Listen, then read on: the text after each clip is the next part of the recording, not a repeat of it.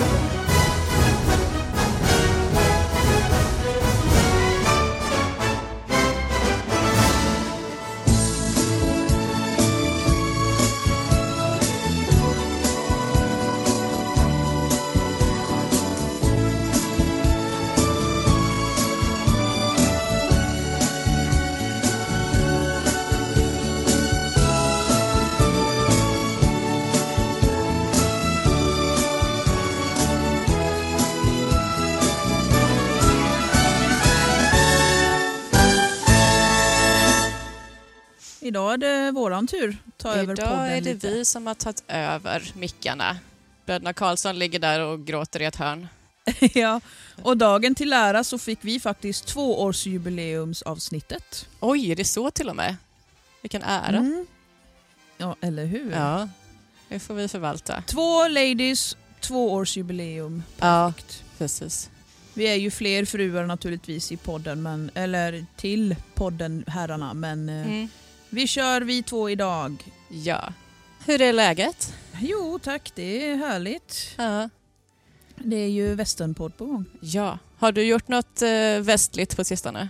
Eh, jo men det har jag. Lite salonsbygge utomhus. Ja, alltså det är så imponerande, ert, hela ert byggprojekt. Ja. Det blir så himla snyggt. Det blev riktigt bra och lite hjälp av min fader med som har virke och kunskap och så, så Ja. ja, inredningen har vi byggt själva och sådär så att nu kan vi sitta och hänga både ute och inne hemma i hemmet. Ja, nej, men det blir jättesnyggt. Det kommer bli världens eh, mötesplats för hela klanen Carson framöver. Eller hur? Ja. Eh, har du gjort något uh, väst, västernlikt? eh, Ja. Det har blivit lite film i helgen. Bland annat The Shootist, en av John Waynes sista filmer som faktiskt var riktigt sevärd. Den svenska titeln Okej. lyder Den sista gunfightern så att det hån Ja. skrattar jag lite åt för att det låter ju så himla lökigt. Men, eh, och så hade jag ingen aning om vad den handlar om när Simon langar fram den ur DVD-hyllan. Jag bara, jag bara sa åt honom att välj någonting som är bra. Ja. Eh, den var jätteintressant. Den eh, utspelar sig efter västerneran och bland annat så han läser någon tidning, för det här ska vara 1901 då. Han läser Ja. någon tidning där det precis står att drottning Victoria är död i England och det här satt vi och tittade på den filmen bara någon dag efter att den nuvarande engelska drottningen hade gått bort. Det tyckte vi var lite lustigt. ja, jo precis. Sammanträffande. Ja, det var lite lustigt faktiskt. Men den handlar om åldrande och västernepokens slut. John Wayne själv, som är världens västernlegend, börjar bli lite gammal och han eh, hanterar sin egen dödlighet. Ah, nej, men den, den var bra. Den var sevärd. Mm. Eh, så att Kul. Det, det har jag gjort. Ehm, Mm. försökt sitta och titta lite på i alla fall första, det allra första pilotavsnittet av eh, Lilla huset på prärien som ligger på Viaplay. Sen har jag inte hunnit. Mm. Ja, jag, jag se såg det i det. somras. Ja, eh, mer om det senare. Men eh, ja, Mm. den lilla, lilla, lilla fritid man nu har i den här vardagen Precis. får man eh, försöka få in lite vilda västern lite då och då. Men, eh, men du, eh, du, du, ni har ju världens hjälp av eh, din pappa med att bygga. Alltså, vad tycker han om det här intresset? För att, att han kan bygga och att han hjälper till och han har sin fina gamla såg, sitt sågverk och sådär, det, det vet vi ju. Men att ni väljer att bygga just eh, en salon och en egen liten västernstad. Tycker han att ni är helt tokiga eller? Eh, alltså, jag tror inte det. Jag får känslan av att han tycker att det är riktigt kul och han, alltså, han eh, pratar om att han skryter på, på jobbet liksom om att eh, ja men kolla nu har jag byggt, det trodde jag aldrig jag skulle Ja. säga men nu har jag byggt en front i en västernsalon och så vidare. Så Ja. att eh, ja, Var dag lär man sig något nytt. Ja. Så han är ju snart uppåt 70 år så att menar, han eh, har ju byggt mycket i sina dagar. Han Ja. jobbar ju inte som snickare kan jag tillägga men eh, hobby hemma snickeri. Men Ja. eh, gör han ju. Men eh, ja, en salon har han inte byggt så det tycker han var väldigt roligt och han har massa idéer på hur man kan utveckla och göra. Och, Ja, så att, eh, vi säger vi skulle vilja ha det här och han bara ja, men då kan man göra så här. Och, så För jag tänker det syns ju ganska bra från vägen. Ert hus ligger eh, precis vid en väg och förbipasserande Mm. måste ju se att oj, här växer det fram någonting som inte brukar synas i eh, de småländska skogarna. Här, har ni fått några... ingen röd stuga med vita. Nej, precis. Har ni fått några särskilda reaktioner alltså från... Ja, förutom folk ni känner, Nej, alltså, men folk som bor i bygden? Folk som bor i bygden och folk vi känner vet ju om, i och med att vi ofta är, när vi är ute och arbetar i trädgården har vi ju våra hattar och våra pommelslickor och Ja. det är ju väldigt mycket cowboy. ehm, så, och innan så hade jag ju gjort en liten västernlekplats med, för barnen och en ja, den var ju jättefin också. minibar och soffa så att den har ju varit där ett par år. Ja. Ehm, har den ju varit så att det är ju bara att det har blivit en front och en ny inredning. Så att Ja. för folk i bygden tror jag inte det är supernytt. Ehm, men däremot så, ja, det, jag vet inte hur det är för folk som kör förbi, Ja. om de stannar till eller så. Det har, det har jag inte märkt. Nej. Så det kanske kommer när vi har en, fler byggnader på. Ja, på folk tomten. pratar redan om de här, ja, de där tokiga cowboy-människorna i bergen. Ja. Nej, men det kommer bli Ja. jättefint. Det kan ju växa fram världens lilla västernstad där. Ja, vi har redan eh, två byggnader till vi kan göra om. Ja. Ehm, och, eller ja, tre byggnader har vi. Det låter som att vi har hur mycket hus som helst på. Världens Utan mansion. det är att vi har förråd, eh, alltså när farfar, det, vi bor ju i min farmor och farfars hus. Han hade ju vedskjul på sidan om garaget och då Mm. var det ju tak och väggar och vi har ju helt enkelt, vi eldar ju inte med ved nu. Ehm, det får vi väl börja göra nu. När. Det får man Men, väl välja, det är eh, bara det som finns kvar. Liksom. Men i alla fall, då har de här skjulen kunnat, då har vi haft väggar och tak klart. Så det är ju bara att bygga front och sen Mm. vad man ska inreda till. Så att eh, så sätt så har vi ju lite olika byggnader man kan tänkas göra om som vi vi använder dem visserligen till garage men det går att Ja. köpa sådana här tältgarage så får det garaget gå till saloon istället. Det är Jag tror viktigare. västern Det får gå före. Ja, man får skrapa Ja. rutan och så har man en västernstad. Ja, precis. det, går Det, lätt före. man får prioritera helt enkelt. Ja, Ja. Så det blir saloon och det blir eh, en liten eh, General store funderar vi på. sheriff's office. Ja, ett par sängar man kan sova. Det blir, får ju bli kallt och veduppeldning, naturligtvis här kamin men det blir inte isolerat hus men det var det ju inte så mycket heller Nej. då. Det- Man får lida lite. Så det ska ju vara lite korrekt. Ja. Men det jag tänkte på var alltså för alltså, ja, 2016 ungefär när vi började på High Chaparral då, då fanns ju inte det här litet på kartan för min del. Nej. Ehm, jag, tyckte, alltså, jag har ju alltid varit fascinerad över det gamla. Jag tänker lite så här på min, min väg in till alltihopa till att hamna Ja. på att ha massa saloons eh, och estenbyggnader på tomten till och från noll. Mm. Eh, nej men jag har alltid varit fascinerad av det gamla sättet att leva och jag vet jag har Ja. riktigt tänkt på det mer i, i vuxen ålder och när jag fick var gravid med mitt första barn och hon bör, vi kollade på Emil Lönneberga och jag, alltså visst det det händer ju mycket kring pojken men just själva det runt omkring det här med alltså maten de äter, alltså riktigt så här Ja. husmanskost, man lagar det hemma från grunden, man odlar sin mat, man tar hand om djur och skötsel och man, ja, men man arbetar hemma på gården. Det, det, det känns som en väldigt, jag vet att det var ett tufft liv men det, ändå, det känns ändå mysigt man, och man kan ju göra den mysiga delen av det hela. Eh, så det har alltid lockat mig och det här enkla och jag vet när man varit på hembygdsgårdar och sånt där, det, då går jag gärna in och jag känner att oh, jag vill leva in i det här lite som lajva Ja. och det har ju verkligen västern fått till att göra. Så vi var ju på Chaparral och då hade man ju på sig den här klassiska rutig skjorta, jeans. Ja, det var så vi började. Jag tittade på bilder för när vi var där för något par år sedan och Ja. det ser ut som eh, amatörer. Nej, men det, ja. ja men turister helt enkelt, särliga. Gud, vi har liksom bara plockat fram det vi hade i garderoben. Ja. Nej men och sen nu så är det ju liksom all in och det är, vi är ju på lite överallt. Vi är ju i Riverdale och vi, är ju, vi har åkt förbi och hälsat på och kollat in eh, Josie City. Vi har varit uppe i Fort Ja. Kodiak. Och det finns ju så många fler ställen som eh, finns inom västern så menar, det är ju hur kul som helst att åka dit och man blir ju bara så här wow var man än kommer. Jag vill Ja. också ha så, jag vill också ha så.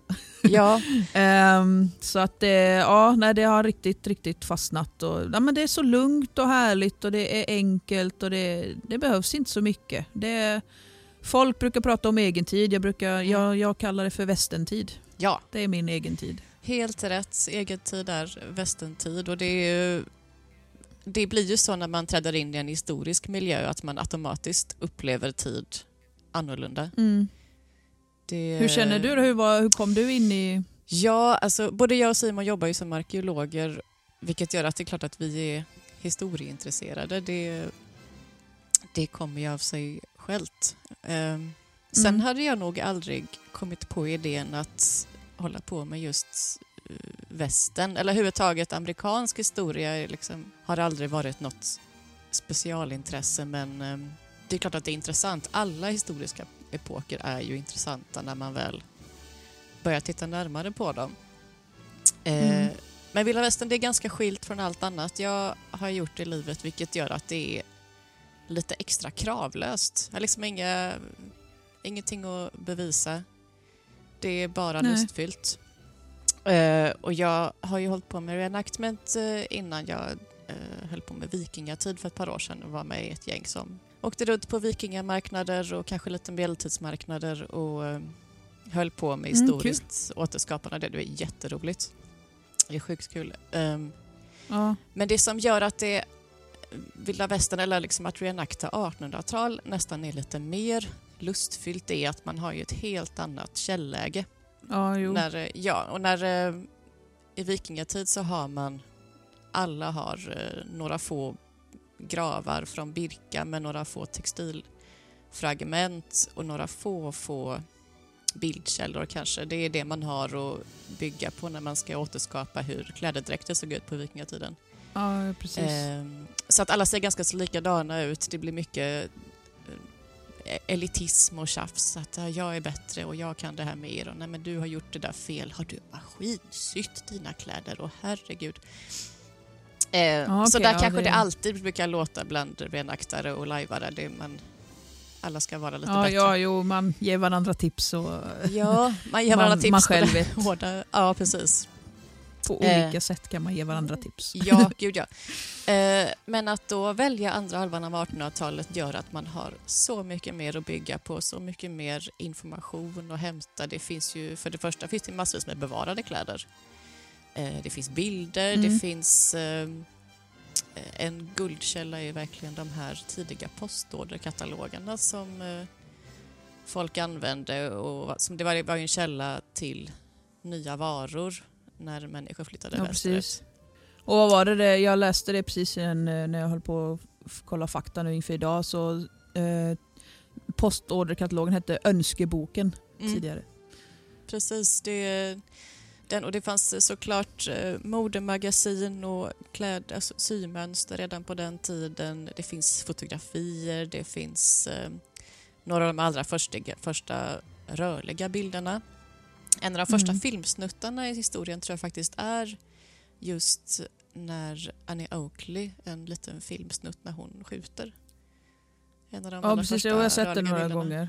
Jättehäftigt. Mm. Så att, eh, Ja, när man reenaktar eh, en lite nyare historisk epok så blir det mer lustfyllt eftersom man är lite friare att skapa. Man behöver inte gissa så mycket. Man vet ganska Nej. väl hur saker och ting såg ut och man kan ta ut svängarna lite och bygga Precis. en egen personlighet, en egen stil för att man vet att okej, det, här, det exakt. finns en bredd av grejer som jag kan plocka från. Mm. Jo men det är så, även om det, det finns ju några få butiker, i, eller få, det finns ju ändå en hel del eh, inom i Sverige men även utomlands men ändå så lyckas det är väldigt sällan man ser någon eh, ha samma, exakt samma Ja, Eh, nej precis. ihop, ihopsättning av kläder, eh, mönster, Mm. Ehm, kanske alltså liknande men ändå sin egen variant. Så att Ja. det är, jag vet Frontier Classic har ju väldigt mycket men det är ju alla har ju olika skjortor liksom, eller blusar om man är, Ja, vilket man nu har. Eh, så det är också väldigt roligt. Ja. Eh, och att då, då säger ja men var har du köpt den och var har du köpt den? Så att det blir ju verkligen... Och det är ju, om så vad är de? De har väl varit runt 2000 medborgare på High Chaparral tror jag, och sånt där. Och menar då, mm. bara där olika och man är flera gånger per år och kanske inte alltid har samma klädsel. Så det säger ju en hel del om utvalet. ja precis. Och det är väldigt imponerande när man ser någon som eh, har hållit på ett tag och reenakta och kanske har skapat lite kläder själv där någon går runt Ja. i kläder som ser lite ingodda ut. Man brukar ju ändå kunna se på en person ifall kläderna är helt nya och strukna och man har precis dratt på sig ett plagg man har köpt eller om man har gått Mm. i det ett tag. Och när det syns att det är någon som har en ganska väl etablerad outfit och man verkligen hunnit skaffa allting, gått in det så att det ser ut som Ja, det ser väldigt trovärdigt ut. Det ser ut som en person som Ja. verkligen lever i plaggen och det ser man ju bland de som har hållit på länge med reenactment och det blir ju otroligt snyggt. Det blir ett väldigt, det blir väldigt eh, verklig helhetsbild. Jo men det blir ju det och det, så tänker jag också när, jag, när vi har skaffat kläder och sånt där, att man inte bara när man reenactar eller är på event utan att man Ja, men som när vi är ute och jobbar i trädgården eller om man, Ja. alltså, då kanske man slänger på sig sina boots ibland bara för att de ska bli Alltså på riktigt använda, inte så här, "Åh, nu ska jag få dem att se skitiga ut utan ja, Ja, de används och rätt. de blir naturligt skitiga Ja. för det var ju Det var ju inte så rent alltid. Nej, gud nej. allt Och även damm. eh, och den ne- nedre follen på ens kjol blir ju helt lerig och geggig för att har man en he- hellång kjol och går längs en lerig bygata, den är inte ren. Och det var den inte heller. Nej, nej. Den var så ren som det gick att få den Ja. bli helt enkelt. En av de bästa grejerna med eh, western reenactment för mig också är att eh, vi gör det tillsammans som eh, en familj. Det kanske inte Ja, heller någonting hur? man skulle hålla på med själv, eller i alla fall inte upprätthålla så länge, men det har ju blivit ett sätt för oss att mötas. Hela familjen, alla bröderna Karlsson och alla fruar och barn och allting och alla som vill vara med.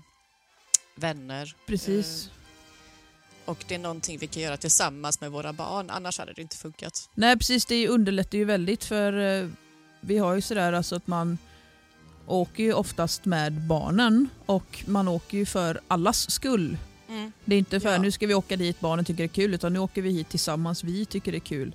Och vi åker med vänner och familj som också tycker det, alltså det här gemensamma Ja. intresset. Det är, nu är i jag, jag också musiker och då är man ju van vid att alltid umgås med folk med samma intresse och eh, Ja. har liksom samma, men det, det gör så himla Självklart umgås man ju alltid med folk som Ja, har samma precis. intresse men, men just det här när man har hela familjer med, att Ja. inte bara är, eller som jag och Emil då, eh, jag är ju fru till Emil. Eh, han, ja jag tror Jag inte tror du med har tror jag. Men eh, nej, men eh, och vi har ju alltid, folk som känner oss väldigt väl vet att bjuder man en så bjuder man båda eller oftast, eller rättare sagt man bjuder hela familjen.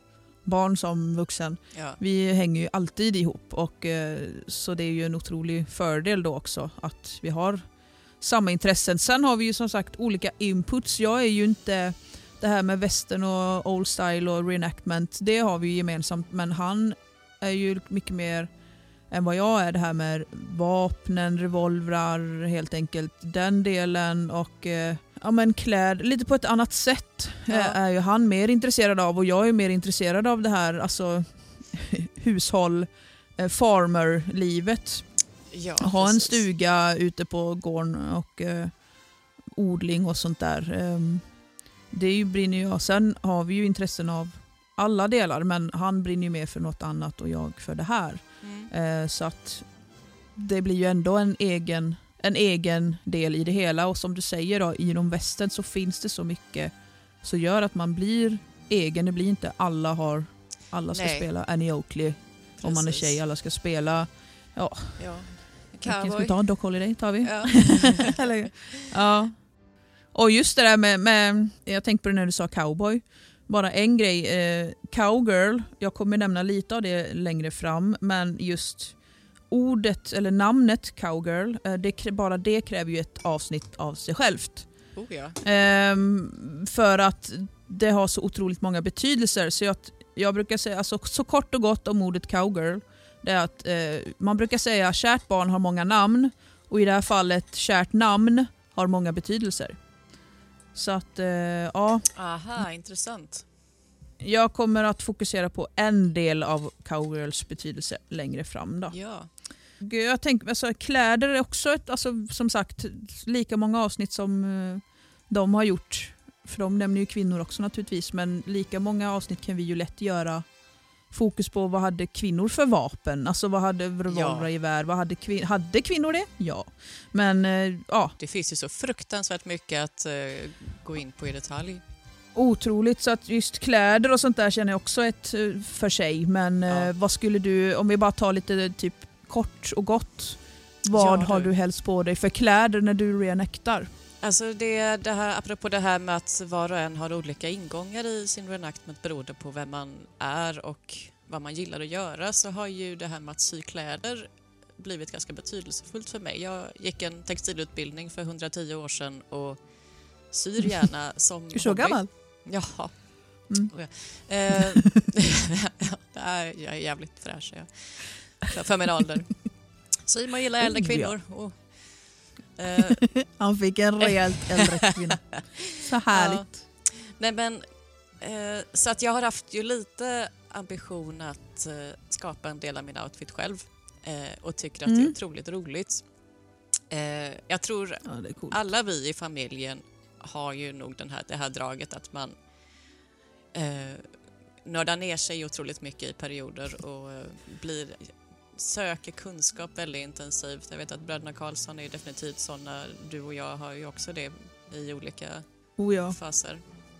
Eh, för att det är så otroligt roligt och för att eh, ju mer man tar reda på om någonting desto mer vill man veta. Eh, så att eh, Ja, jag har haft, eh, och, och även när det gäller praktiskt skapande. Jag har haft perioder där jag hoppar upp tidigt på morgonen och eh, sprungit ner till mitt syrum och passat på att sy lite kläder innan eh, hela familjen vaknar. Mm. Eh, Det är så en del av min western-outfit kom till. Sen finns det som du säger eh, en hel del, eller en del i alla fall, riktigt fina butiker här och var i Sverige där man kan köpa lite old style-kläder. Och jag tänker mig, men man får ju ta reda lite på vilken sorts kvinna man vill vara, vilka identiteter fanns det? Jag Precis. försöker renodla tre olika kvinnor som man kan liksom välja mellan. Dels den här Mm. lantliga eh, farmer-mamman. Mm. Eh, ganska enkla rustika kläder och ganska feminint med blus, kjol, förkläde. Den här präriemamman som eh, arbetar hårt och Mm. lagar mat från eh, prärievagnen. Eh, en barhytt på huvud. I de allra flesta historiska perioder så har kvinnor, alltså en- en huvudbonad har ju ingått i kvinnodräkten i de allra flesta Ja. tider, i de allra flesta kulturer. Men det här med att täcka håret är ju ganska utbrett. Så att någon form av huvudbonad får man nästan tänka med. Det har varit ganska betydelsefullt. Men Mm. antingen den här farmarkvinnan eller den lite finare stadsdamen som har eh, någon fin klänning på sig där materialet är lite mer exklusivt, lite mer detaljer i dräkten. Man har kanske någon fin hatt, man kanske inte är klädd för att arbeta riktigt så mycket. Eller den här lite Nej, tuffare precis. cowgirlen med byxkjol eller byxor, eh, cowboyhatt istället för damhatt. Det beror ju lite på vad det är man ska göra, vilken sorts eh, eh, reenactment-helg eller var man är någonstans. Vilken västernstad ska man åka till? Vad ska man göra? Ska man bara ha en aktiv semester med barnen eller har man lyckats bli barnfri och ska vara på en lite mer vuxen tillställning? Så att med tiden, man blir ju aldrig färdig som reenactare. Man, man ska ju oh, nej. alltid skaffa fler grejer. Det är det som är så roligt. Eller hur? Men man, eh, målet är väl att ha ett par olika outfits som eh, är någorlunda kompletta så man kan dels växla mellan olika plagg och dels växla mellan, eh, okej, lite mer, vem vill jag vara just den här gången? Vad vill jag ha för Mm. stil idag? Kanske matcha sin man om man känner för det, att man bestämmer sig för hur klär vi oss den här gången? Ja precis, om man är stadsfolk eller farmerfolk eller Ja, så, Eh, ja, och bröderna. Karlsson har ju gått lite mer. De har ju inte riktigt valt eh, cowboystuket som eh, många andra reenaktare har valt utan de har ju gått mer och mer åt ganska så välklädda stadsbor. Liksom. Ja. Sheriffen, en snygg Mm. rock och väst och men de, de ser ju ganska tjusiga ut. Mycket stiliga karlar. Jaha du. Eh, men Vi tipset... har, är vi har gjort bra kap. Jaha du. Men eh, mitt snabbtips om man gillar att sy. Nu finns det ju Mm. historiska mönster som man kan eh, köpa på nätet. Eh, Ja. Som är lite mer av en utmaning eftersom man dels behöver kunna mäta lite och dels är de uppbyggda lite annorlunda än moderna symönster. Men man kommer ganska långt om man rotar i, jag vet inte, gå till en loppis eller någonting och rotar i gamla symönster. För under 1900 ja, 60, 70, 80-talet så var det ju ganska så mode med det här eh, lite folklig retrostil, eh, blusar, långkjolar, eller nu tänker jag damkläder. Eh, och det är ganska så klassiska mönster, det är liksom folkliga grundplagg. Eh, så om man hittar något fint bomullstyg med ett eh, småblommigt mönster, man kan eh, googla olika 1800-tals eh, bomullstryck. Det fanns en ganska, ganska, ganska brett utbud av tryckta eh, mönster på, på, på tyg. Eh, det fanns, eh, fanns mer än vad man kan tro Mm. på den tiden. Så att, eh, och sy en enkel blus helt enkelt, eller en enkel långkjol. Då, eh, då kanske man inte, det är inte perfekt, men man smälter in ganska bra i 1800-talets eh, liksom, ja, men, grundplagg för Precis. kvinnor. Ja precis och det, det på tal om det att det inte, inte ska vara perfekt för jag läste också på det ehm, en del av hemmafrujobbet, nej men det var just när de, om de var på resande fot, till exempel Oregon Trail, den. Delen, då kanske de hade en stoppnål och de fick dela på den och det kanske ett halvår, alla kvinnor, och det var ju många som färdades.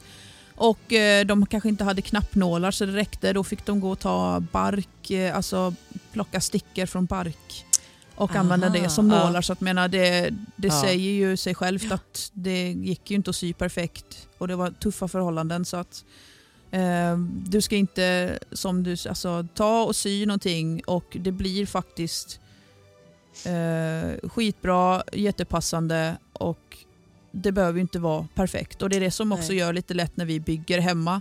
Det behöver inte vara spikrakt för menar, du hade inte Nej, det är Laser. väldigt sant. Det, det, vi, är lite för och grejer. präglade av det här med att allting är industriskapat och eh, har en norm. Ja, nej men det är det inte. som är så härligt. Att du får ju så fina grejer och verklighetstrogna grejer av att göra utifrån din egen förmåga. Mm. Du behöver inte vara expert på någonting och du får ändå fram fina kläder, fina...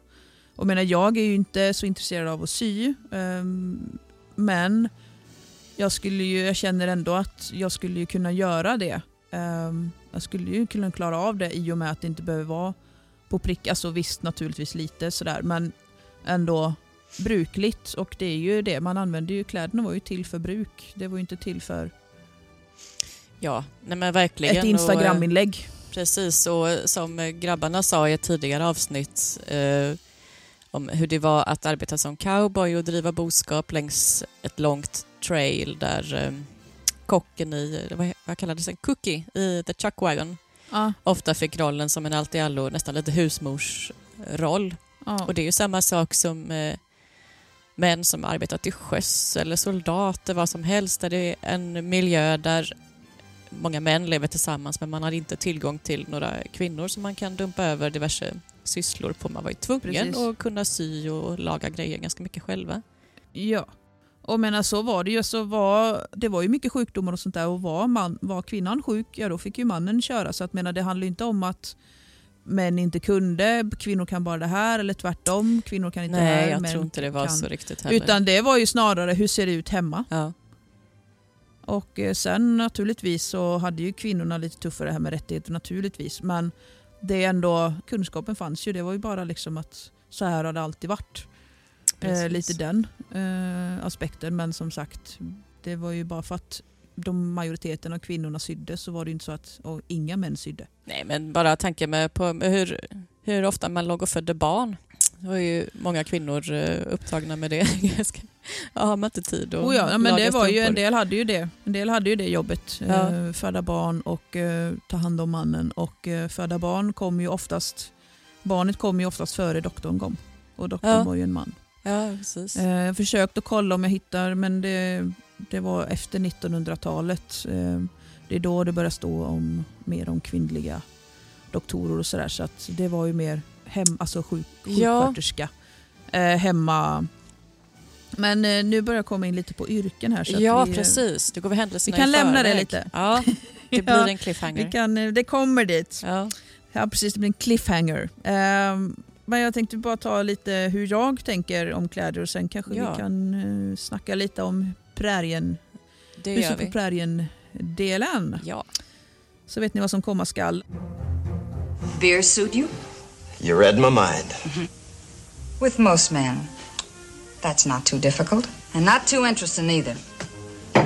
I can tell when a man walks through that door whether he prefers blondes or brunettes, drinks whiskey or beer, plays blackjack or poker, is a cheapskate or a high roller. Ja, men det jag tänker, folk som känner mig vet att det är, som pappa sa, kommer du ha kjol, äh, klänning på ditt bröllop? Uh, han trodde jag skulle ha kostym för jag har inte ofta klänning och kjol. Jag har det, men det är inte ofta. Uh, och därav så blir ju min reenactment lite åt det hållet med. Uh, gärna byxkjol, uh, helst byxor. Men faktiskt så har jag börjat vända lite där. Det är faktiskt väldigt härligt att gå i kjol och särskilt de här långa platta kjolarna då. Jag har ingen sån här utstickande kjol, det hade man ju lite i början på, eller början, men mitten på eh, på 1800-talet, där då var det ju med underkjol så att det liksom var en stor kjol, yvig kjol. Ehm, ja, det är något skifte i mode där. Ja, Ja. och sen så, så jag har ju de här platta kjolen och så jag har ju en, jag som sagt älskar ju det här farmerlivet, både hemma privat och i västern så att där så håller jag mig till en farmer cowgirl, alltså en boskapsarbetande. Så då har jag byxor, skjorta, hängslen och hatt har jag alltid. Um, inte bara hytt än, vi får se om jag tar på mig det någon gång. Jag känner mig inte riktigt bekväm med det. Men vi, ja, så, så, sån är jag. Um, men eh, sen så har jag ju då också, jag är ju lärare privat men det är också en liten intressant del. Alltså jag älskar ju att lära ut och få sprida kunskap och alltså hitta på jag, saker. Som sagt, jag gör gärna saker i familj och sådär, beblandar, alltså umgås med barnen och sånt där också. Så att då, lärare hade ju oftast kjol och då blir det ju naturligt att jag har det. Så jag har ju också det, eh, kjol och blus. Ehm, och det har jag också när jag har byxor, då har jag ju blusskjortor. Liksom. Nej men så att jag har ju egentligen de två där. Jag hade tre. Då hade jag lite mer byxkjol, lite mer, inte bandit girl, men liksom lite, lite åt det hållet. Men jag kände nej, det var inte så. Det var roligare att vara antingen lärarinna klädd, alltså inte stadsfin men heller lite, lite mer uppklädd än farmer och sen farmerjobb då. Ehm, så kör jag. Det är intressant hur folk väljer en stil nästan instinktivt som passar dem väldigt bra. Eh, folk väljer automatiskt kläder när de reenaktar och när de får möjlighet att välja kläder ur en helt annan tidsepok som speglar ens personlighet ganska mycket så att alla ser väldigt bra ut. Alltså man Mm. förstår, jag förstår varför du valde det där. Det, det klär dig, det passar dig som personlighet. Det är ganska kul. Och så påverkar ju kläderna Ja och ganska mycket hur man tillbaka. känner sig. Det, Tackar, tackar.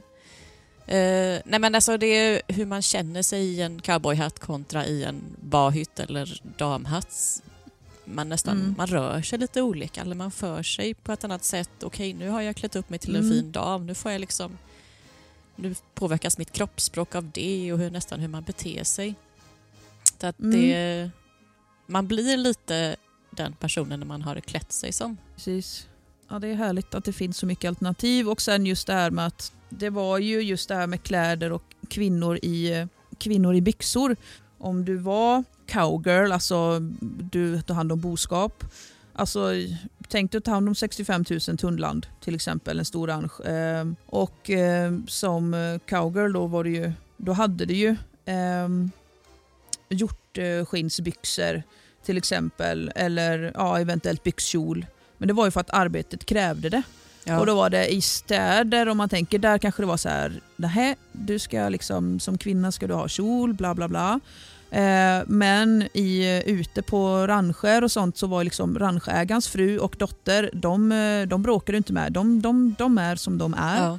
Och det respekterar du som cowboy eller cowgirl. Och eh, var de då, ofta så var ju cowgirlen ute och red med cowboys och tog hand om boskapen åt sin familj. Och ja, de var ju, klädde sig ju likadant. Just, alltså man klädde sig efter vad man arbetade med helt enkelt. ja. Och då var det ingenting, då var det helt fine. Ehm, så att eh, det fanns ju en kvinna, vad hette hon nu då? Um, Lucille Mulhall tror jag hon hette. Och Sadie Austin. Um, Mm. Det var väldigt kända. De blev ju sen väldigt kända rodeo cowgirls. Och där var det också att man, hade, att man red gränsle, en, alltså ett ben på varje, varje Ja, sida. bara det var ju lite skandalöst Ehm, eftersom kvinnor ofta red precis. damsadel eh, på den tiden. Eller fina damer i alla fall. Exakt. Och jag förstår ju varför man red damsadel om man hade kjol. Ehm, Jag har ju själv ridit mycket och haft hästar och sådär så att eh, jag har prövat att rida sådär. Det, men det är svårt att sitta damsadel. det är måste vara balansen där skitsvårt. Det är inte att leka med. ja. Och särskilt när sadeln är som den är. Barbacka är ju en grej, det är ju lite lättare. Eh, Då manken är mycket härligare att sitta på. Ja. Sadeln är ju inte gjord för, för damsadel om man säger. Det är en väldigt märklig, märklig uppfinning, damsadel, eller märklig idé. Det är liksom själva poängen Mm. med att hästar passar bra för människor att rida på är ju att man just kan sitta gränsle på dem. Precis. Men ofta så, kan eller nu vet jag inte, nu bara tar jag ju min, mitt egna tänk att det känns som att ofta så var ju då kvinnan, de som hade kjol på sig och som inte arbetade med att och rida, så här, de satt väl i prärievagnen eller gick bredvid eller var, höll sig hemma. Ja. Så att tanken var väl kanske att har du, du, du tanken var väl inte att de skulle rida då. Nej, och jag tror man såg på ridande på ett annat sätt på den tiden i och med att hästen var ett arbetsredskap och ja, i i militära sammanhang så var ju hästen ett fortskaffningsmedel. Det, ridning kanske inte hade samma status idag som vi ser det som en hobby och rekreation där man rider för nöjes skull utan eh, f- fina damer, då tänker jag lite mer den övre samhällsklasserna red kanske som en hobby och som en Mm. slags fritidssysselsättning men då, då var det ju inte någon särskilt actionladdad ritt kan jag tänka mig utan då kunde man sitta damsadel i sin, sin fina kjol Ja. medan människor som faktiskt behövde arbeta och använda hästen i arbete där ingick det nog inte i konceptet att kvinnor gjorde det. Förutom när de gjorde det Nej. ändå, fanns ju uppenbarligen exempel. Oh ja. Hur nu säga det. Um, för det vet jag, jag, jag älskar förutom västern, jag älskar ju Titanic till exempel. Och där så pratar de ju, och det är ju som sagt, det vet vi ju alla, det är början av 1900. Eh, nej men där pratar de om att rid, rida damsadel, att hon skulle då, alltså Rose och Jack, huvudkaraktären i filmen, Ja. de pratar ju om att hon ska rida. Eh, och han säger det, ja men du måste ju rida eh, som en riktig cowboy. Eh, Vadå? Säger hon helt chockad så här, med, med ett, ett ben på vardera sida så här, som att det är en chock. Och det var ju säkert det för de som Ja. aldrig har ridit, alltså överklassen och sådär. De aldrig har ridit sådär bara oj kan man sitta så som en tjej och så vidare. Så det, Det finns en så det rolig... dyker ju upp lite här och var Ja. den här damsadel. eh, Det gör det. Även i eh, tv-serien eh, Gentemot- Downton Abbey, som det är lite senare, det är 1920-tal, där Ja. en av huvudpersonerna deltar i en ridtävling, en hopptävling med damsadel. Jag Mm. antar att skådespelerskan har någon sorts Oj. stunt eh, ryttarinna för att hon hoppar i damsadel. Sjukt imponerande men hon säger ju att nej jag kan inte hoppa, jag kan inte sitta i eh, vanlig sadel, inte när eh, grandmamma tittar. För att hennes farmor skulle bli alldeles för Oj. chockad. Oj, Man såg sitt barnbarn eh, rida som en kar. Går inte i den engelska överklassen. Ja, nej, nej, just det. Det är ju klart. Aj, aj, aj. Ja, det är också ganska kul tidsdokument. Så. Men du, på tal om serier då. ehm, jag som sagt, jag har inte sett så jättemycket på västern men en grej jag har sett det är ju som du sa, alltså som du också, det här lilla huset Ja. på prärien. Den eh, och just det här, de lever ju farmerlivet men det har ju du kanske lite mer koll på. Eh, Så det är ju också min input till västern. Ja. Och eh, då är jag väldigt intresserad av hur de hade det och sådär. Ja. Man har ju hört lite anekdoter om detta. Precis, och jag tror att det är en ingång för många tjejer till vilda västern. För att eh, när grabbarna talar om det här med att västernintresset har legat latent sedan barnsben och det var skojigt med cowboys och sådär så tänker jag nej, det kanske jag inte kan relatera till. Jag var inte superintresserad av cowboys som barn. Men eh. Lilla huset på prärien-böckerna eh, både läste jag och såg eh, tv-serien och den har ju gjort djupt intryck på både mig och säkert många, många andra. Eh, vi lekte eh, systrarna Laura och Mary som barn, jag och någon kompis. Och någon, om det fanns några dryga tjejer som vi inte tyckte om så brukade vi utse dem till eh, Nelly och Nancy. Det var liksom ärkefiende Ja. systrarna som var dryga. Eh, Ja, så det kommer, de är, ju med ganska tidigt i, Ja. i serien. Precis, och de var, de var högfärdiga och dumma. Det ja, så det finns eh, väldigt många barndomsminnen kopplat till det här. Eh, man, Mm. eh, jag vet inte, jag antar att den sändes under tidigt 90-tal i Sverige och gick på en väldigt bekväm tid för att det jag minns att jag brukade titta på det här varje eftermiddag efter skolan. Den måste ha Mm. sänds då. Jag har inte eh, nördkollat upp exakt när den sändes. Nej, men jag har också en bild av att det var, vi, det skiljer ju inte så mycket mellan oss, att, eh, att det var efter skolan eh, att man kollade på typ TV4 eller något sånt där. Ja, Så Och, det stämmer säkert. Ja, det var, det var säkert TV4 för jag är inte säker på att vi hade så många andra kanaler där. Eh, men tv-serien den spelades in på eh, 70 och 80-talet och bygger till en början tror jag ganska mycket på böckerna och sedan så spårade det ur lite till att bli mer av en såpa så att den följer inte böckerna i detalj men eh, ja, väldigt underhållande. Mm. Eh, och det bygger alltså på barnböcker som började ges ut på 1930-talet i USA. Eh, och det började Okej. med att Laura Ingalls Wilder, som då var en 65-årig dam, eh, hon är född 1867, hon ville skriva Mm. sin självbiografi eh, och berätta om hur det var att växa upp som nybyggare i västern och det här med att leva en del av sin barndom i prärievagn på 1870 och 80-talen. Eh, så hon hade skrivit ganska mycket redan tidigare eh, i form av eh, lite artiklar och hon hade en återkommande spalt i en tidning. The Missouri Ruralist. Okej. Eh, där hade hon en sån där husmorsspalt som gav råd om hushållning och matlagning och allt möjligt. Aha. Den hette As a farm woman thinks. Eh, Kul det, ja, det är väldigt stadigt allting, väldigt lantligt. Ja. Och man förstår redan här att hon var väldigt praktiskt lagd. Hon och maken Precis. Wilder, de hade gift sig när Laura bara var 18 år. Eh, och till en början så bodde de i en stad som heter Desmet i South Dakota. Mm. För det var där Lauras familj, familjen Ingalls, slutligen hamnade. Efter att ha flyttat runt ganska mycket, en ganska stor del av hennes barndom, flyttade de hit och dit. Eh, Mm. Men när de slutligen slår sig ner permanent så hamnar de i South Dakota. Eh, Så då hade de börjat som nybyggare i Wisconsin, Minnesota, Kansas eh, innan de då får möjlighet att till slut köpa ett eget stycke mark en gång för alla. Mm.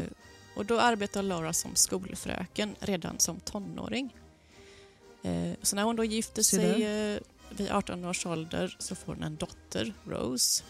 Och sen får hon en son som dör som spädbarn. Eh, men dottern Rose Mm. växer upp och blir en ganska intressant person också som jag ska återkomma Mm. till. Mm. Men de har det alltså ganska tufft och fattigt, hon och Almanzo. Så att maken han blir delvis handikappad efter en sjukdom. Så att därefter Mm. så kan han inte arbeta fullt ut med kroppen utan det gör att Lara får dra ett ganska tungt lass och göra ganska många eh, arbetsuppgifter i vardagen som kanske en man skulle ha gjort annars. Deras eh, lada brinner ner, eh, sonen dör, eh, skörden blir dålig. De har det ganska tufft. De tvingas också flytta runt ganska mycket, bo hos släktingar och sånt där för att klara sig. Ja, riktigt tufft. Ja, precis. Så att de, deras historia är verkligen en historia av hur tufft det var att klara sig som nybyggare, Mm. de här nya Mm. staterna. Eh, men de arbetar sig upp sakta men säkert. De lyckas köpa en gård i Mansfield, Missouri som är en del av Ozark-området. Ligger ganska nära den här stora häftiga sjön Ozark som Mm. också är en sån här eh, fin och lite legendarisk nybyggartrakt i västern. Ja, nu är vi framme på 1894 då. De har lyckats få sig en gård, lite mark eh, och där bygger de med tiden upp ett ganska framgångsrikt jordbruk. Laura arbetar väldigt hårt. Hon skapar med tiden en eh, ja, men de har en fruktfarm, de, har, de föder upp kycklingar och lite sånt så de lyckas klara sig på det där. Ja, härligt. Men när de har flyttat dit alltså till Missouri med den dottern Rosie då åtta år från DeSmet i South Dakota. Det är 160 mil räknade jag ut på Google-kartan.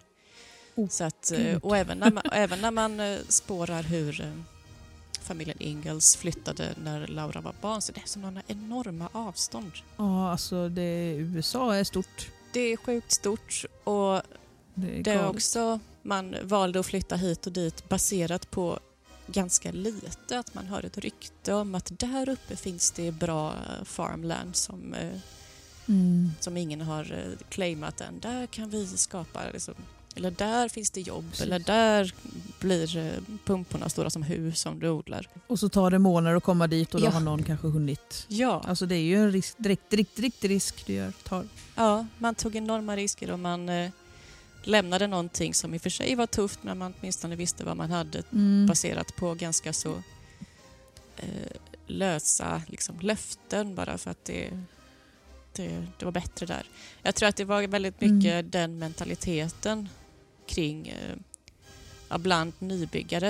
Eh, eller att det, vissa forskare har till och med sagt att det nästan var lite av en masshysteri i vissa fall där den här idén om att flytta västerut och att det fanns ett förlovat land. Alltså, det säger lite om att många amerikanska nybyggare, eller många eh, som emigrerade till USA, gjorde det av religiösa skäl. Det var ju många radikala kyrkor eller församlingar, frikyrkor, som inte riktigt fick, fick existera i Europa som eh, flyttade till USA. Och det bygger så mycket på ett kristet sätt att tänka, tror jag, eller en slags biblisk idé om ett förlovat land. Alltså, om vi bara Mm. lider tillräckligt och arbetar tillräckligt hårt och så är vi värdiga det förlovade landet. Liksom. Eh, och hela Mm. det sättet att tänka tror jag hade en ganska stor betydelse i att folk eh, men lämnade allt. Att go west var någonting alla andra gjorde, då måste jag också göra det. Det, det var långt ifrån alla som klarade sig eller som verkligen hittade en plats att leva på där de faktiskt kunde överleva. Men i alla fall, nu är vi framme. Laura Almanso eh, har eh, slagit sig ner i Missouri och som ett sätt att dryga ut inkomsterna lite så börjar Laura skriva. Hon har Mm. sin spalt, hon skriver lite artiklar, hon berättar om sitt hem och sitt hushåll. Hon blir med tiden ganska bra på att skriva. Hon verkar vara väldigt Mm. engagerad i allt möjligt, och grupper och studiecirklar och möten och sånt där. Och dottern Rose med tiden när hon växer upp så blir hon också ganska duktig på att skriva. Och det här är Ja. någonting som var oväntat intressant när jag gjorde lite research.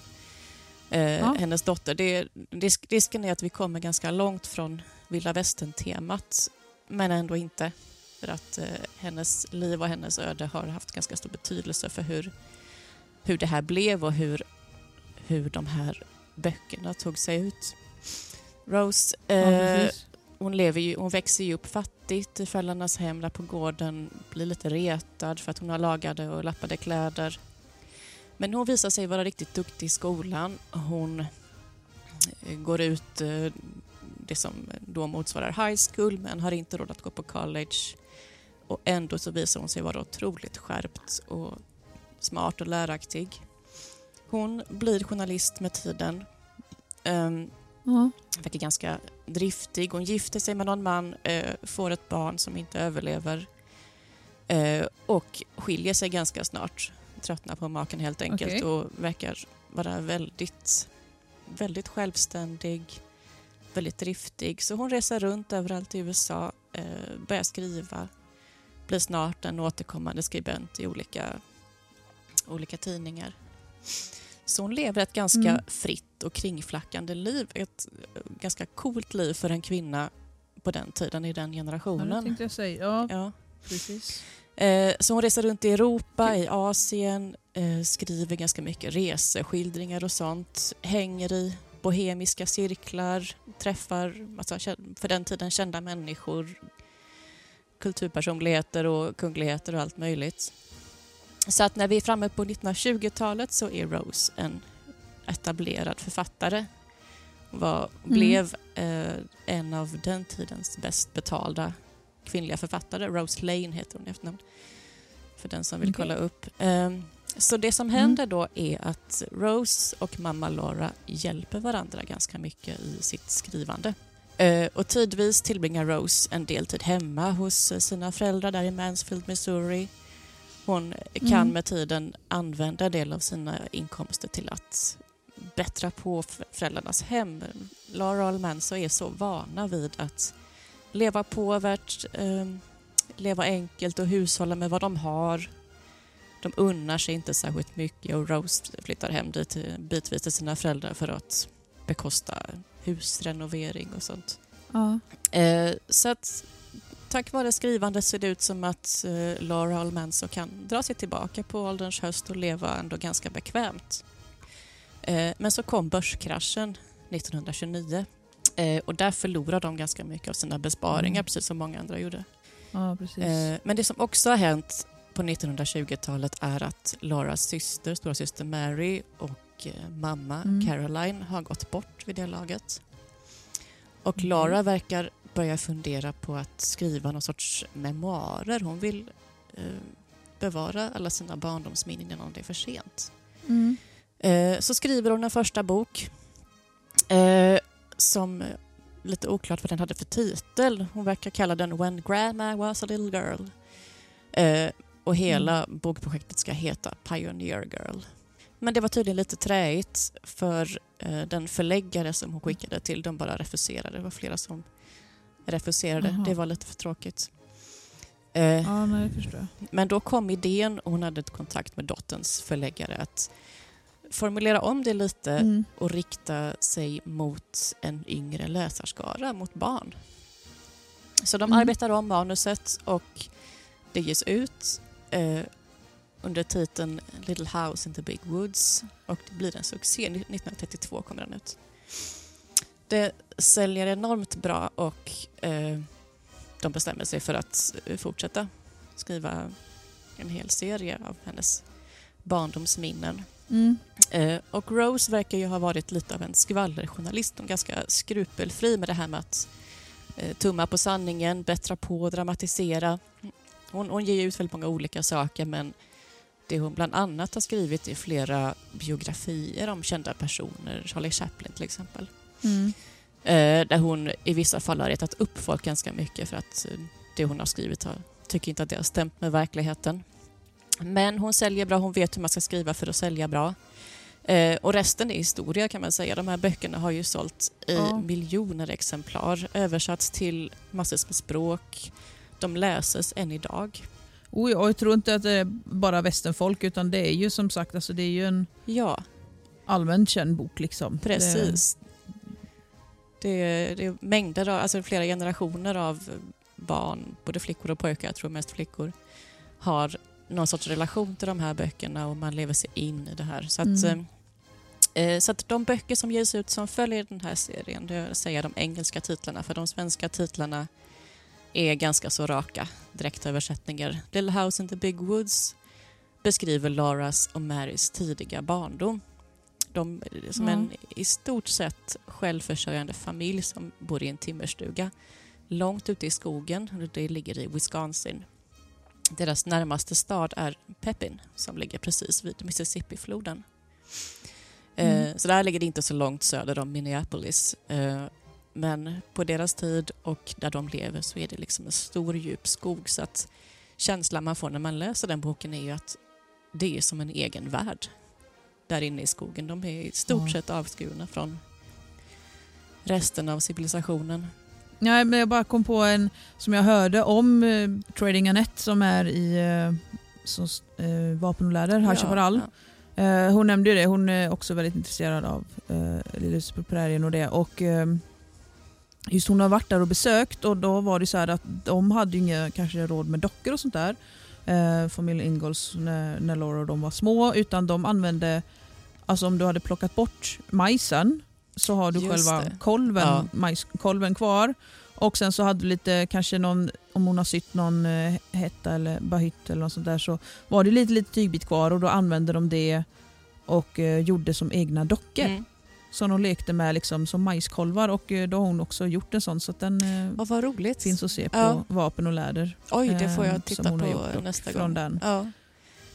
Så att det, böckerna är ju fulla av sådana, sådana detaljer på hur de skapar och hur de använder varenda liten Ja. tråd. Och sånt Eh, älskar jag, jag ja. tycker det är superintressant. Hur man liksom verkligen kan ta vad du har och du kan skapa en helt, som du säger, som en helt egen Ja. värld. Och det som också är så magiskt i de böckerna är att man förstår att de här barnen de blir genuint glada. Alltså, våra barn skulle ju bara fnysa ifall vi skulle försöka ge dem eh, avgnagda bajskolvar att leka med. Det, de har ju hela rum fulla av eh, plastprylar. Eh, och det, Ja, men jag tänkte säga just vå- vår, våra barn tror jag inte.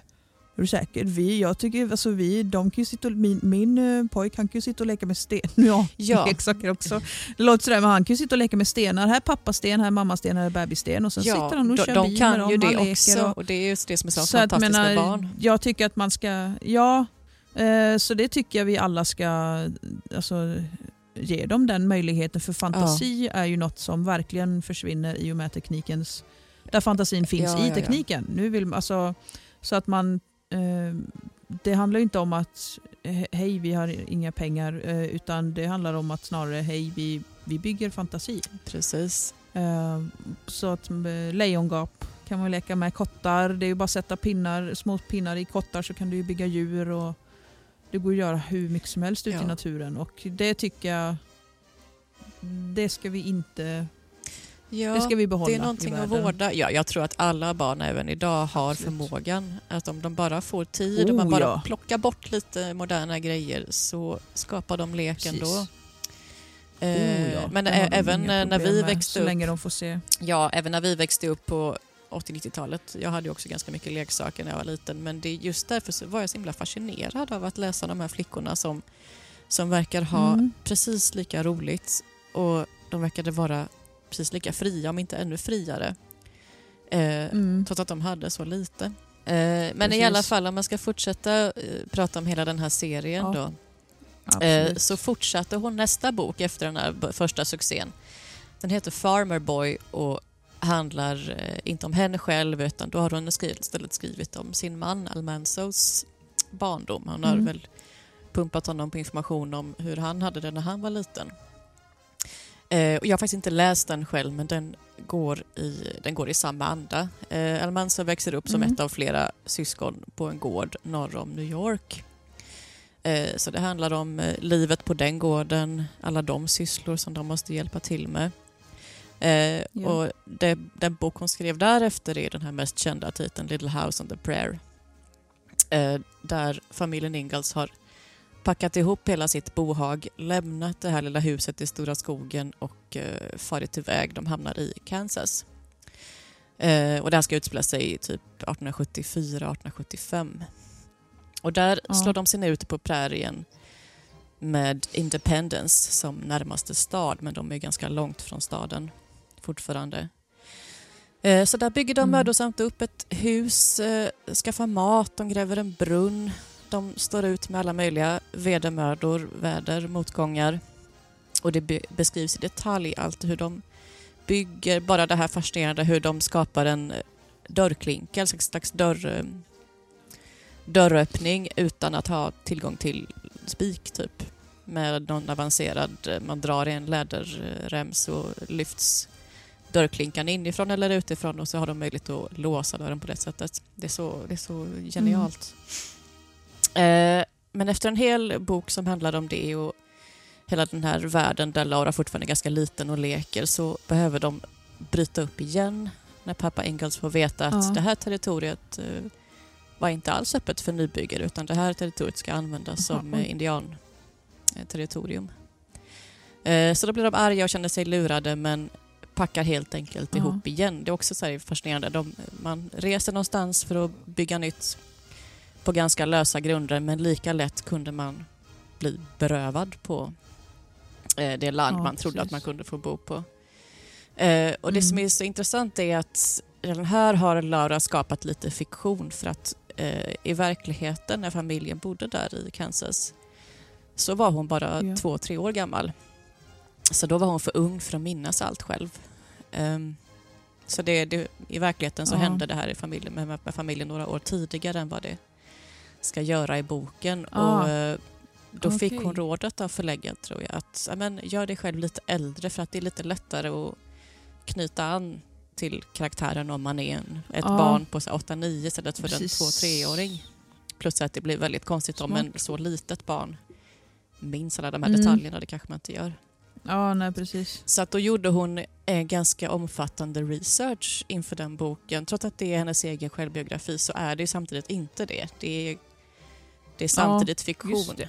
Så att eh, många av de grejerna som händer i boken det, det bygger på verkliga händelser som deras möte med eh, Osage-stammen som lever där, som hälsar på dem ibland. Ja. Där mamma Engel, som gillar inte alls indianer, hon blir väldigt så här, fy, vildar. Medan Laura är väldigt fascinerad Ja. av dem. Men när de har brutit upp så eh, handlar nästa bok, On the Banks of Plum Creek, eh, om hur de hamnar i Minnesota, nära staden Walnut Grove. Eh, och nu eh, börjar de bo lite närmare en stad. Eh, Laura och hennes systrar börjar gå i skolan. I eh, By the Shores of Silver Lake har de flyttat till Desmet, South Dakota. Och dit flyttade de för att det var lite tufft i Minnesota. Pappa Ingalls lockas av ett löfte om jobb i de nya Dakota-territorierna. Så att i samband med The Spring Rush skyndar sig Pa Ingalls, som han kallas, pappa, till eh, The Claims Mm. Office, alltså kontoret som distribuerar eh, landrättigheter för nybyggare. Och där får han alltså till slut tag på en stycke egen mark där de kan bygga någonting eh, permanent. Så i The Long Winter har de äntligen kunnat slå sig ner på sin egen mark men det blir en tuff vinter. De är insnöade i flera månader. Boken handlar ganska mycket om hur de gör för att överleva. Det är någon som vandrar jättelångt i vintervädret för att hitta mat och så vidare. Mm. Eh, och i de tre sista böckerna, Little Town on the Prayer, These Happy Golden Years och The First Four Years, eh, då lever de inte längre Mm. isolerade utan de lever de i en framväxande stad. Eh, Laura blir vuxen, eller hon börjar bli vuxen, hon arbetar som skolfröken och hon gifter sig. Eh, och de här böckerna gavs alltså ut mellan 1932 och 1943 medan den allra sista The First Four Years eh, gavs ut så sent som 1971 eftersom manuset hittades först då. De hittades långt efter Lauras död och även efter Roses död. Det var hon som hade manuset. Eh, Mm. Och då gav man ut det. Det var i stort sett färdigt så man gav ut det som det var. Så att det har liksom Okej. blivit en del av eh, den här bokserien. Eh, Mm. Och den här serien har liksom sålts i typ 60 miljoner exemplar. Den givits ut på 33 språk. På alla de orter där eh, Lauras historia har liksom passerat på vägen, där familjen har bott eller så, där finns det här små museumhus, besökscenter eh, som heter någonting med Laura Ingalls Wilder, Little House, bla bla bla Mm. som får massvis med besökare varje år. Det, är så, ja, det är så kul, ju mer man googlar kring det här, desto mer förstår man att det här är liksom världens kult i USA. Tv-serien eh, sändes i, eh, jag vet inte, nio säsonger eller sådär. Eh, skådespelerskan Ja. Melissa Gilbert som spelar Laura växer liksom upp med den rollen på samma sätt som typ Daniel Radcliffe växer upp med Harry Potter-rollen och sådär. Mm. Det blev filmer, det blev en musikal. Tv-serien har sin egen cult following idag. Eh, när jag, skulle, Mm. jag skulle bara googla lite om det fanns några poddar som handlade om det här eller som berättade om hennes historia. Det finns ju flera stycken som är liksom helt dedikerade till både böckerna och tv-serien. Så att det finns så mycket som helst. Dels populärkultur men också forskning.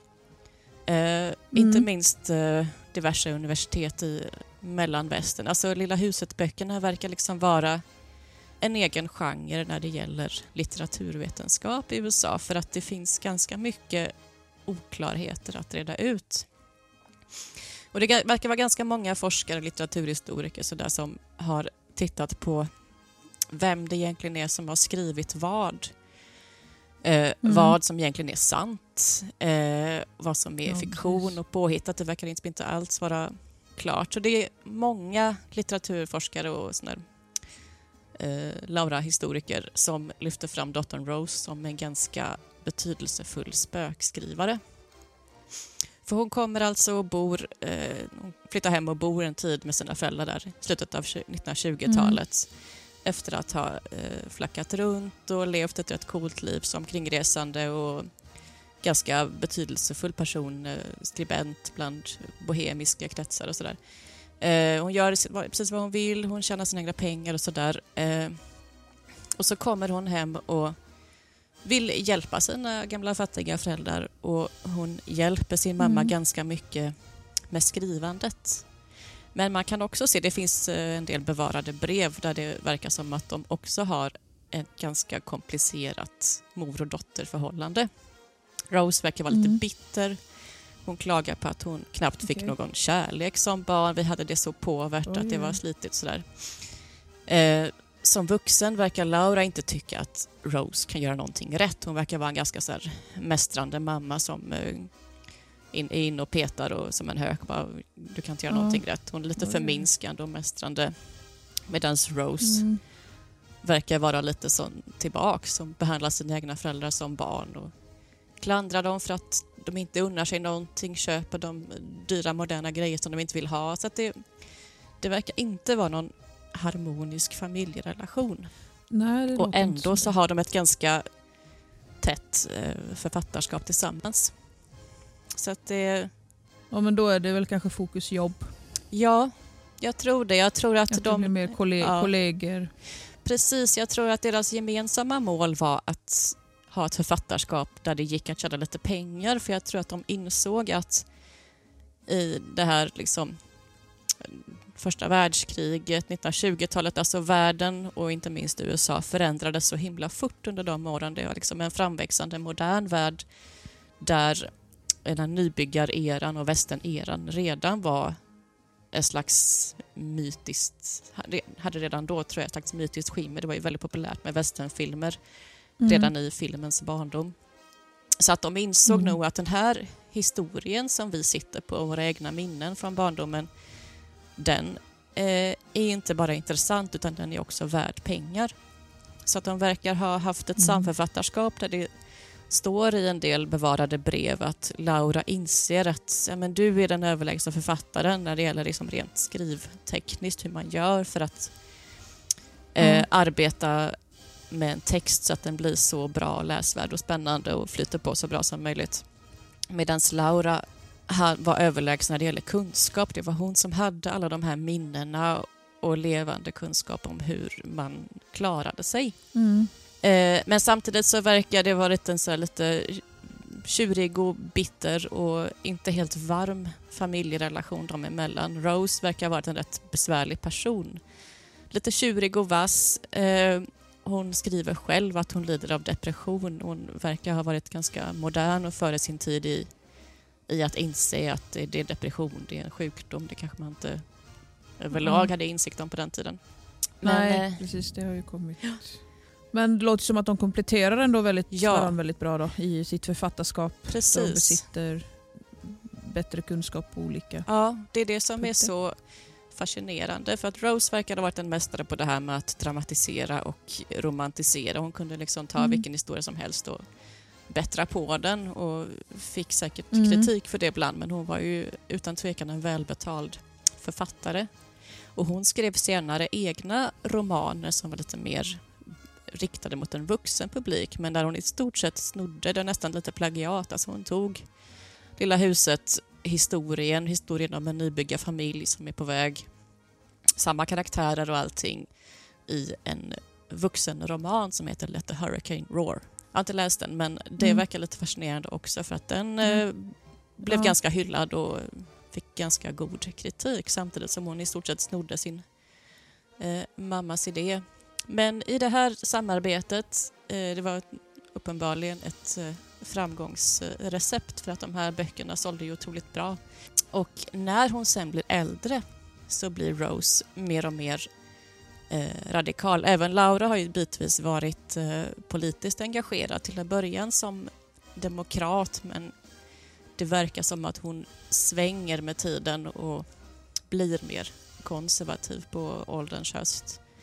Eh, Medan Mm. Rose hon flörtar lite med socialism och kommunism eh, i och med att det, hon är en barn av sin tid. Hon eh, umgås i bohemiska kulturkretsar. Hon träffar människor från Sovjetunionen som då är en ny stat.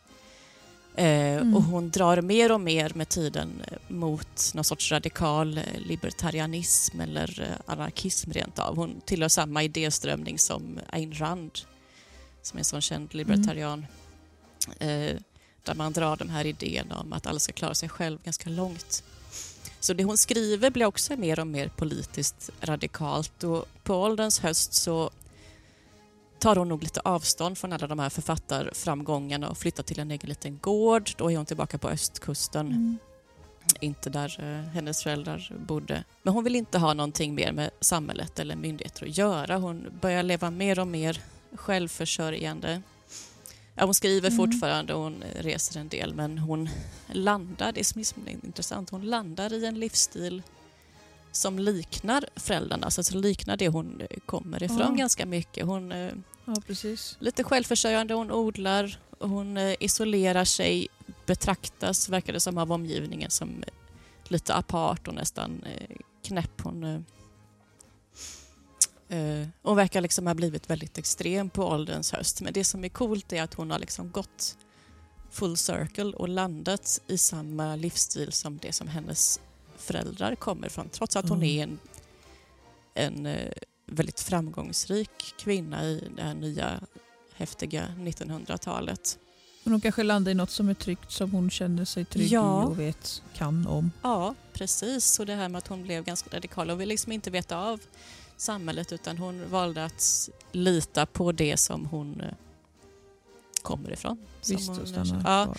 ja, det är väldigt häftigt. Så att nu är vi väldigt långt från vilda västern Mm. samtidigt som det här, eh, det här har liksom varit Ja, det är- avgörande för att skapa en av de största boksuccéerna som finns och framförallt en historia som bland barn i alla fall har bidragit mer än någonting annat till bilden av eh, vilda västern och bilden av Precis. hur det var att vara flicka i vilda västern.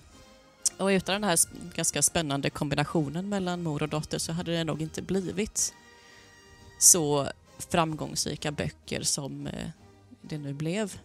Nej, precis. Så att, eh, ja nej men det här är ju- om böckerna är populära i Sverige och i många andra länder så tror jag inte att det är någonting mot vilket, eh, vilken kult det är kring de här böckerna i USA. En annan sak som jag tror har haft stor betydelse för Lauras status i amerikanska ögon är eh, hennes släktskap Mm. bilden av henne som en slags ädel urtyp för en amerikansk eh, nybyggarfamilj tror jag påverkas av att hon har på sin pappas sida, Charles Ingalls, eh, härstamning från familjen Delano. Ja. Och det är en släkt med lite legendarisk status i USA eftersom flera presidenter och andra kända personer eh, kommer från den släkten. Okej. Och förfäderna kom med eh, det här mytomspunna skeppet Mayflower och anlände till det som idag är Plymouth, Massachusetts på amerikanska östkusten på 1620-talet och blev en del av den här första Plymouth-kolonin, de som la grunden till eh, Thanksgiving-traditionen och allt det här. Ah, Och eh, ja, nu eh, pratar vi om saker som hände långt innan vilda västern-eran Mm. men jag tror att det här har ganska stor betydelse för amerikansk självbild och eh, hela uppfattningen av eh, varifrån man kommer och att man, eh, man kom dit som eh, nästan som religiösa flyktingar och man hade en, den här bibliska föreställningen om ett förlovat land som man Mm. skulle belönas med för sina vedermödor. Och jag tror att många amerikaner de är ganska besatta av genealogi, alltså släktforskning och mm. har eh, ofta stenkoll på varifrån de eh, stammar eftersom de allra flesta nu levande amerikanerna inte tillhör ursprungsbefolkningen utan kommer någon annanstans ifrån. Mm.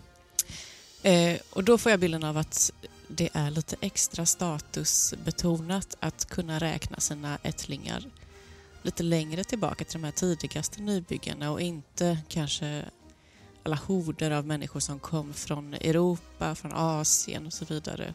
Mm. Eh, mycket senare under 1800-talet och början av 1900-talet.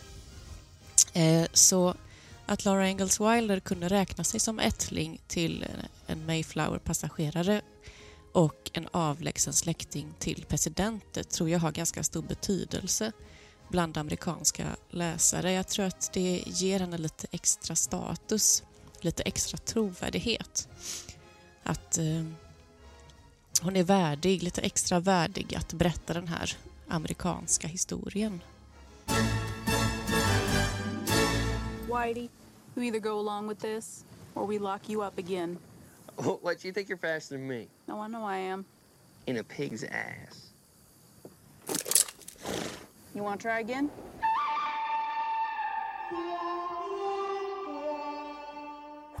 Ja, då eh, så eh, lämnar vi lilla huset på prärien för en stund och eh, ja, det du har gjort i din historia, du berättar ju en hel del om yrken där också. Ja, precis. Det, det Ehm. kommer man ju in på.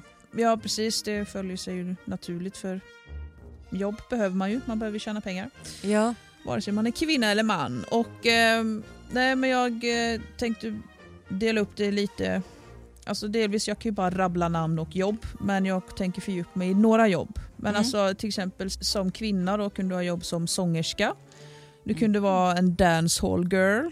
Alltså att det är att du arbetar och då är det inte som pros- prostituerad dans utan att du dansar, ja, men man, har, man betalar för en partner Ja. att dansa med. Aha, lite som en eh, eskort eller... Ja. Ja, men, ja, precis lite mer så på det Ja, sättet. Eller Ehm, kurtisan kanske, man, kanske det hette i den gamla världen. Att man var ja, kanske jag inte har direkt prostituerad men att man typ skulle... tax, taxi dancehall girl typ. Ah, ja. Ehm, har jag också läst att det skulle kunna vara. Och, eh, ja, men Mm. man, det var ju inte accepterat men man jobbar ju som prostituerad också. Även om det inte var, man tyckte Oh, inte ja. det var okej. men, Mm. Eh, så att det var ju liksom, bara för att det var ett jobb så var det ju inte okej eh, då på den tiden heller. Nu är det ju olagligt naturligtvis. Man kunde jobba som diskare. Eh, man kunde jobba som cowgirl och då menar jag alltså fösa boskap. Som cowboys. ja, journalist. Där har vi ju Laura. Eh, illustratör. Alltså, ja. man var kock, man var servitris, sjuksköterska. Och inte doktor utan sjuksköterska. Man var lärarinna.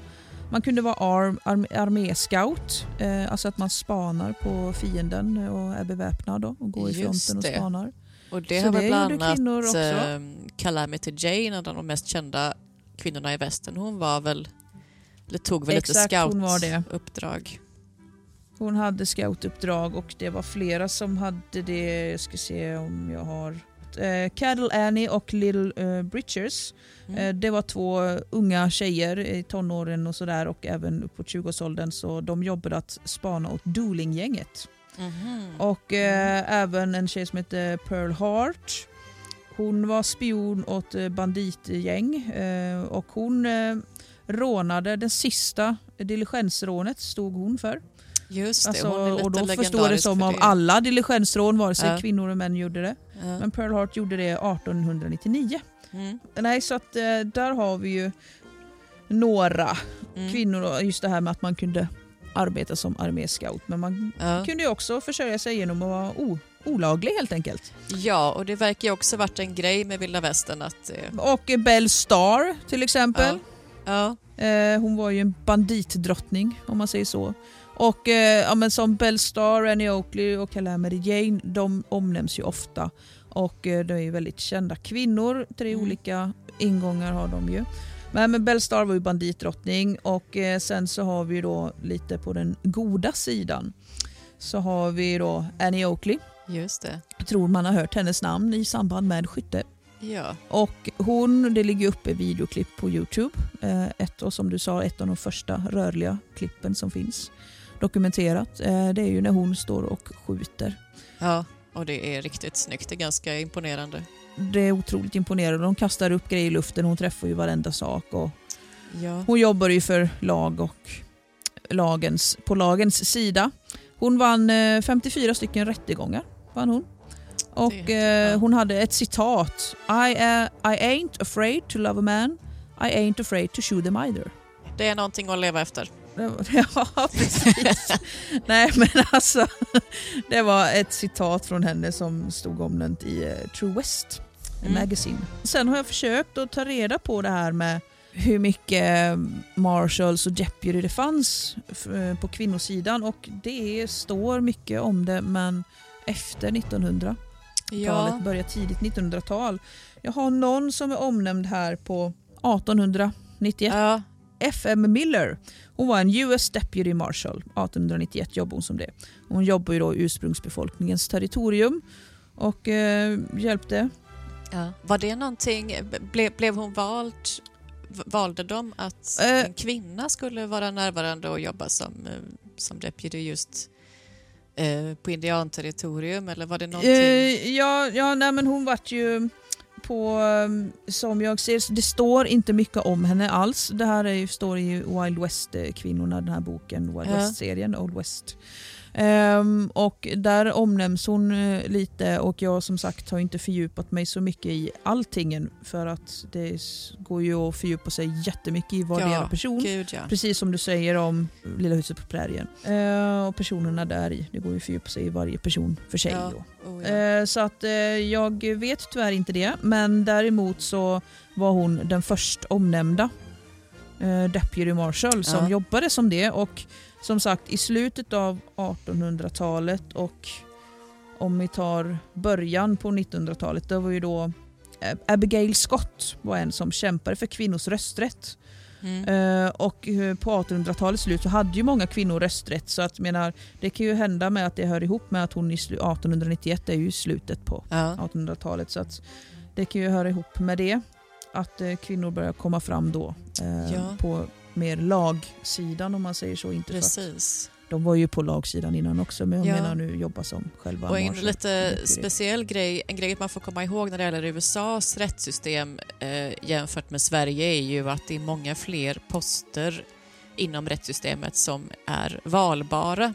Som olika åklagare och domare och sheriffer i USA, de ställer ju upp i val. Det är ju inte tjänster man söker så som det är i Sverige. Eh, Nej. och där, för det har jag läst att många av de nya eh, stater som växer fram och som blev mer och mer administrativt riktiga stater i västern hade Mm. faktiskt mer progressiva lagar när det gäller kvinnor och kvinnlig rösträtt än vad de gamla eh, klassiska östkuststaterna har. Så det är möjligt att det är fler och fler kvinnor som flyttar ut eh, och är vana vid att jobba, klara sig själv i samband med att de får liksom ett rättssystem där man väljer, väljer sin sheriff och allt det där. Så kan Mm. jag tänka mig att det kanske gynnade kvinnor, lite grann i alla fall.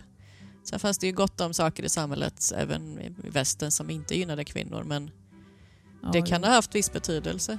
Absolut. Ja, men jo, på tal om det med Sverige och eh, USA. ehm, då är det så här att 1846, det här är ju Sverige då. 1846, mitten på 1800-talet, så ogifta kvinnor tillåts arbeta men dock enbart inom hantverk och handel.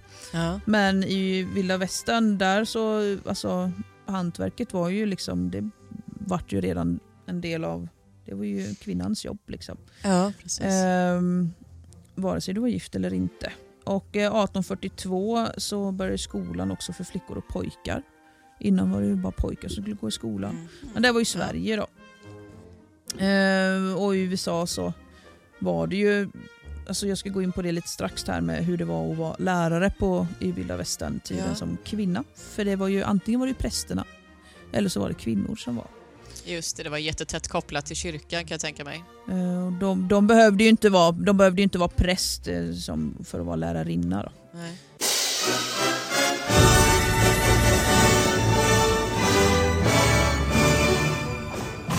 Det är lugnt och tyst här ikväll.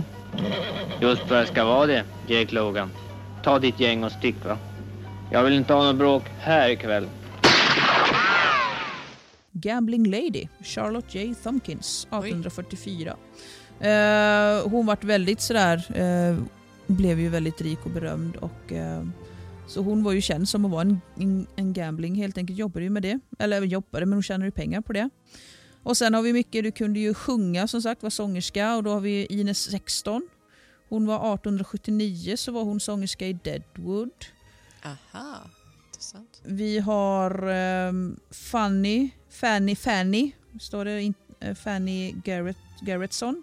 Hon var sal- salonsångerska och hon jobbade ihop med Dora Hand och de två tjejerna var kända för att vara väldigt, väldigt vackra och väldigt, väldigt bra på att sjunga. Dock hade Dora tuberkulos, precis som Doc Holliday idag. Men eh, de jobbade och de fick så mycket som 40 dollar i veckan på att jobba som sångerskor. Okej, det måste ha varit... Och det är mycket pengar då. Killarna Det är riktigt, riktigt mycket pengar men det, är- ja, precis, det låter som ganska mycket. Ja, nej jag har inte koll på det. Men jag har koll på lärare, men den kommer jag till. Vad lärare tjänar, för där var det också Ja. skillnad på kvinna och man. Vad man tjänade, men här de, så de var ju typ väldigt, Dora Hand och Fanny Garrett som var väldigt omtalade, eller betal, Ja. välbetalade salonsångerskor. Sen kunde du jobba då som, eh, ja tyvärr, jobba som prostituerad och glädjeflicka. Eh, Peril Leopold var en väldigt var en känd glädjeflicka. Sen var det en, hon kallades för Toothless... Åh, eh, oh, vad var det hon hette? Eh, toothless... ehm, Mm. Hon var tandlös i alla fall. Hon var tandlös eh, och hon hade en... ehm, vad heter det?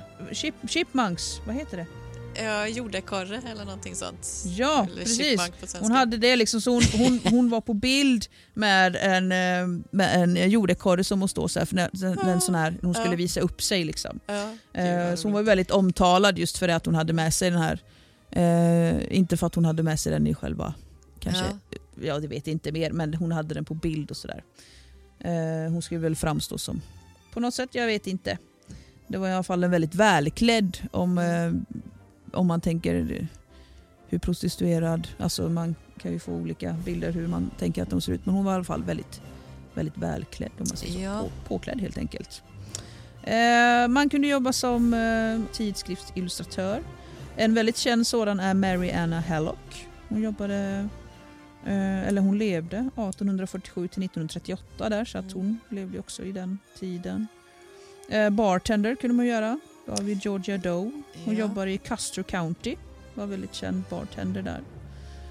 Eh, vart hon. Och eh, vi har, finns eh, det här med, med cowgirls och sådär då. Vi har en bild på en black cowgirl, alltså en Mm. afroamerikansk. Och hon eh, omnämns inte någonstans men det står en bild och det är, eh, är namnet och det ska vara rätt namn. Men annars så omnämndes eh, tyvärr då på den tiden afroamerikanska som unknown. Mm. Även om man visste namnet så blev det unknown. Så därför finns det ingen Aha. fakta om detta. Och då cowgirl, om du jobbade som det, så kofösare. Då var det så här, då jobbade du på en ranch. Och på ranchen, då var du en ranchägare med fru och barn. Och om då barnet var en dotter som jobbade på ranchen, för det var oftast så man jobbade om man var kofösare som Mm. kvinna, då jobbade man inte för pengar, man jobbade för att hjälpa sin familj.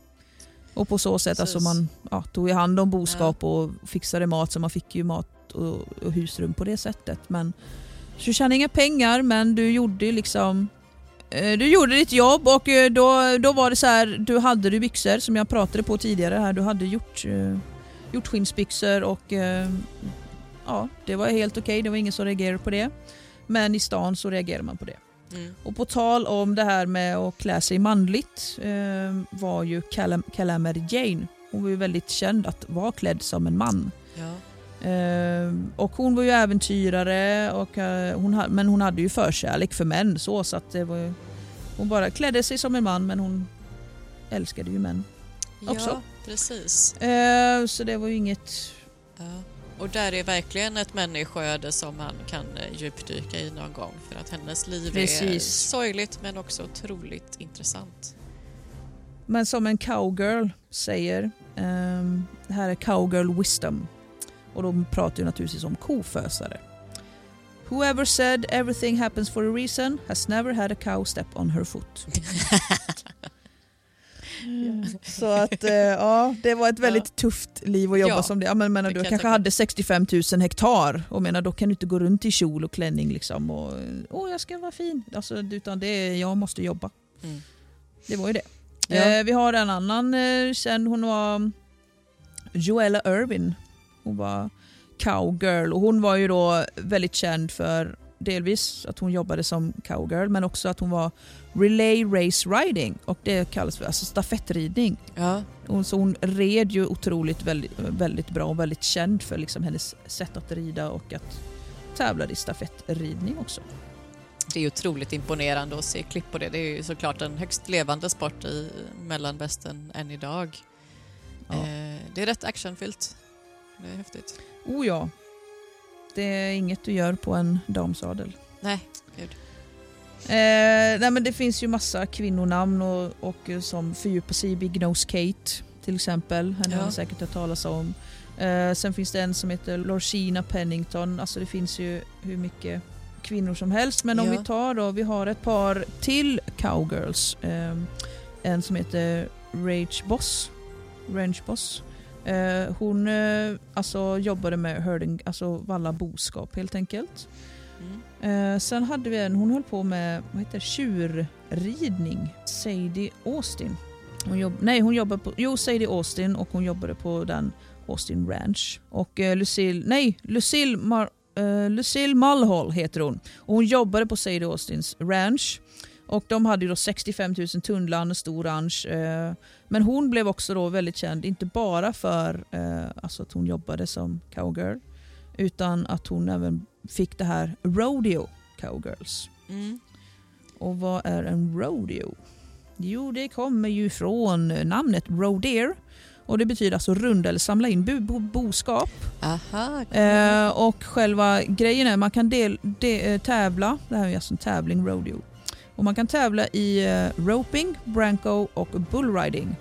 Och roping, då är det att man tävlar i att eh, fånga en eh, kalvar med lasso. Och de är oftast alltså, de är insamlade för att vara med om den här tävlingen, då, djuren. Ja. Så är det både kvinnor och män som tävlingsrider och ser vem som fångar snabbast och bäst och sådär. Bronco, då har vi inridning av unghästar. Och bullriding, då är det tjurridning. Ja. Och det har man säkert sett. Och Yellowstone är det ju väldigt mycket bullriding rodeo. ja, precis. Ehm, TV-serien Yellowstone en är ju karaktär där som- Man kan eh, njuta av det. Det är imponerande. Precis. Och farligt, Ehm, förstår man. Ja. Och eh, alltså cowgirls de, jobb, de eh, jobbade ju med antingen boskap eller så fånga, fånga tjurar med lasso. De red och de sköt. Liksom, ja, men Ja. De gjorde precis det som ingår i jobbet. Precis, det är lite roligt att det som en gång i tiden var arbetsmoment som man var tvungen att göra har liksom blivit till en underhållningsform i eh, USA. Det, det ligger nog ganska mycket Precis. nostalgi i det kan jag tänka mig. Jag tror det. Och sen om man går på alltså just det här med cowgirl, cowboys, varför det omnämns oftast mer cowboys och sådär. Men det är för att om de var 500 cowboys så var det en av dem kvinna. Ja. som jobbade kring ombordskap och sådär eh, med märkning. Så att eh, det säger ju en hel del att det kanske inte var jättemånga. Nej, men det fanns det var inte vanligt, naturligtvis. det fanns. Eh, och man förstår ju att det är liksom det är ett hårt liv i de här nybyggarstaterna och alla behövde göra det de kunde för att överleva så att man hittar ganska många exempel på Trots att det Precis. fanns uppfattningar om vilka yrken och vilka uppgifter som var, som var till för män och vilka som var till för kvinnor så hittar man ju fler och fler exempel på undantag ju mer man letar. Mm. Det är fler och fler exempel på kvinnor som har behövt göra allt de kan för att överleva. Dels det här vanliga hushållsuppgiften, man, man lagar mat, man tvättar, man passar andras barn eller eh, arbetar lite som guvernant, liksom, en lärarinna i hemmet till kvinnor som behövde ta i och göra ganska hårt kroppsarbete för att man behövde helt enkelt. Så man gör det man kan för att överleva. Precis. Exakt, och det var det jag tänkte komma in på här nu. Jag har eh, Elizabeth Thompson var hon som kallas för Squirrel Tooth Alice, så hette hon. Och det var ju protesterad och dancehall-tjej, så hon var ju både eskort och protesterad och hon jobbade i Dodge City. Ja. Eh, 1870 jobbade hon. Och det var att hon hade den här ekorren som husdjur som var väldigt kännetecken för henne. Och då kom, namnet tillkom på en bordell i Texas. Ja. Eh, Så började man kalla. Men Elizabeth Thompson hette Squirrel Tooth Alice. Men, eh, och sen med, jag har en till journalist här. Vi pratade på det. Vi har ju Rose då. Ingalls. Eh, men vi har ju Nellie Bly. Just det, det är ju en känd häftig kvinna. Precis. Ja. Eh, och hon eh, var ju väldigt så här att jag ska kunna bättre än män bla bla bla. Så att eh, mannen hade väl gjort, någon man hade gjort så här, jag ska gå jorden runt på 80 dagar. Hon gick den på 74 dagar. Mm. Och sen står så det finns ju som sagt det går ju att fördjupa sig väldigt mycket i det. Precis. Hon eh, vart ju känd att hon lyckades med det och det finns ju omskrivet just den resan då, som hon gör. Ja, det verkar ha varit en enorm sensation vid den tiden. Jag har inte läst så mycket om henne men det är ju det är en ganska känd person, liksom ett jättemedium Ja. både när hon anländer och när hon reser. Och... Precis. Mm. Och hon omnämns ju inte så ofta tycker jag i allmänheten så. Eh, eller upplever jag det som. Men hon är som sagt väldigt känd. Sen så, alltså du skulle ju kunna som du pratade på det här med hårt levande och man jobbar för hemmet och det. Det var ju det också, det var ju jättestort. Um, alltså du, jobb, du var ju fru, alltså det var ju det jobbet Ja. du hade. Att du var hemmafru, du skulle se till så det var, fanns mat på bordet. Eh, du skulle skaffa barn, eller eller sagt föda barnen. Ja. Du ska Hålla dem vid liv mannen gärna. naturligtvis. Eh, du kunde vara affärsägare och Ja. jobba med odling för du sålde liksom det ni odlade för att få pengar också. Ja. Och eh, Sen var det så att nybyggarna, då, ska jag nämna lite om dem. Eh, om du var, alltså var hemmafru eller nybyggarfru eh, också då. Eh, ja, men ta hand om och föda barn. Eh, och det var ju inte så lätt. Som jag pratade om det här med att sy kläder i, i till exempel i, när du är ute på trail och sådär. Du ska ta det från många Nej. mils avstånd. Att du fick ju ta vad du hade Ja. och eh, kanske samsas på nålar och ta, ja men då får vi hitta stickor och använda det som nålar och försöka sy och fixa och fixa med kläder. Och eh, det var ju inte alla som kanske var beredda det här nybyggarhustrarna att eh, du fick ju även vara sjuksköterska. Alltså det fanns ju inte så lätt att få tag på doktorer och födde du barn, ja då kanske barnet kom innan doktorn kom och då fick du bara ta det Ja, för men det var. precis. Och när det gäller material, man gör Eh. liksom en handelsexpedition till närmaste stad om året Ja, och köpte en precis. bal tyg och då fick hela familjen gå i, i kläder med Samma. samma, färg för Ja. att det var det tyget man fick tag på. Exakt, och egentligen så skulle vi ju göra så när vi reenactar. Alltså att jag, min Ja. man och barnen har samma tyg egentligen. För det ja, skulle ju kunna vara... precis. Jag har försökt köra lite på det stuket när jag hittade något eh, påslakan från Ikea på en loppis, alltså ett helt Ja. modernt tyg men det hade ett ganska så tidlöst, jag vet inte, rutigt mönster och det blev klänningar och blusar och grejer till både mig Ja, och dottern. Så att vi går där och matchar. ja jag Eh, vet. Det och det är ju en minnesvärd scen i eh, Borta med vinden när eh, det är hårda tider, det är krig. Hon typ river ner gardinerna i deras fina hem, eh, letar fram gamla klänningsmönster och så skapar hon sig en klänning av det. Det är egentligen Precis, och det är även Sound of Music gör Ja, likadant. precis. Hon, tyck, eh, Ja. hon tycker att barnen är så väl uppklädda, de har inga Ja. lekkläder så då tar hon gardinerna och syr Ja, alla barn har liksom. Det är ju minnesvärt. Och det, Ja. och det ligger nog ganska mycket sanning i det faktiskt. Ja, och det var ju också, det kanske inte var att man åkte och köpte tyg utan det var ju gardinerna man hade. Ja. Alltså då blev det okej, då är det gardiner och sen så, ja, då kanske vi var utan gardiner ett tag men då får vi nya kläder. Ja, men vi har alla Alltså, kläder på oss. Man jobbade med att sy lapptäcken, att man samlades och sydde lapptäcken och sådär också. Och så beställde man hem grejer så här, eh, från postorderkatalogen eller som det kallas för önskeboken. Ja, och det har jag hört eh, någon historiepodd att det där med tidiga postorderkataloger var en ganska betydelsefull källa till allt möjligt. Eh, återigen eh, den fina butiken Vapen och läder på High Chaparral där Ja. det jobbar otroligt kunniga människor berättade att de hade Oj. någon kopia av en sån gammal eh, känd Oj. postorderkatalog från andra halvan av 1800-talet. Och så. Men du kunde beställa allt från skor till typ ett hus på postorder, eller ja, en byggsats till ett hus för att det var människors Ja, ja. enda källa till alla de varorna man trots allt inte kunde tillverka själv så lätt. Precis. Och de, ja, men det var, och sen, Man hade inte så mycket att läsa så att de kunde typ bli, sluta som dekor på väggarna. Folk typ satte upp bilder från postorderkatalogen som eh, fina bilder på sina väggar för att det hade man Ja. inte heller så gott om. Utan det var källan, eller det var liksom en länk till omvärlden. Och så gjorde man faktiskt i skolorna. Istället för att bara ha de här timmerstockarna som man hade i skolsalen så var det bilder från sådana här post alltså, Ja. sådana tidningar som man kunde ha lite, lite annat färg eller bilder på. någonting att titta på. eh, väggarna. Och det jag tänkte på också just det här med nybyggare och vad du fick göra hemma. Det var ju om du fick jobba som sjuksköterska att du fick ta hand om hälsan helt enkelt, nybygghustrun. Ja. Alltså de var ju inte beredda på att ja, men det är ju alltså brännskador fick du ta hand om och det var ju inte elden utan det var ju för solen. Alltså Ja. bränns, sol, solens brännskador och skallerormsbett. Ofta fick Gud. man vänta med att laga mat för att det låg skallerormar bland potatisen. Så att det var inte bara att gå och koka potatis. ja, bara att sköta ett hushåll är ju lite annat än vad det är idag. Liksom. Jag, ska, jag, ska, Ja. jag lovar att koka potatisen snart, jag ska bara ha ihjäl skallerormarna först. Ja men lite så var det faktiskt. Eller så Ja. vänta tills den flyttar sig för att den gömde sig gärna bland de eh, Uh, påsarna där. Så att, eh, och sen eh, så var det också problem, du har tvättat, kämpat med det eh, och sen hänger du upp den och då börjar det blåsa och all sanddamm kommer på tvätten. Ja.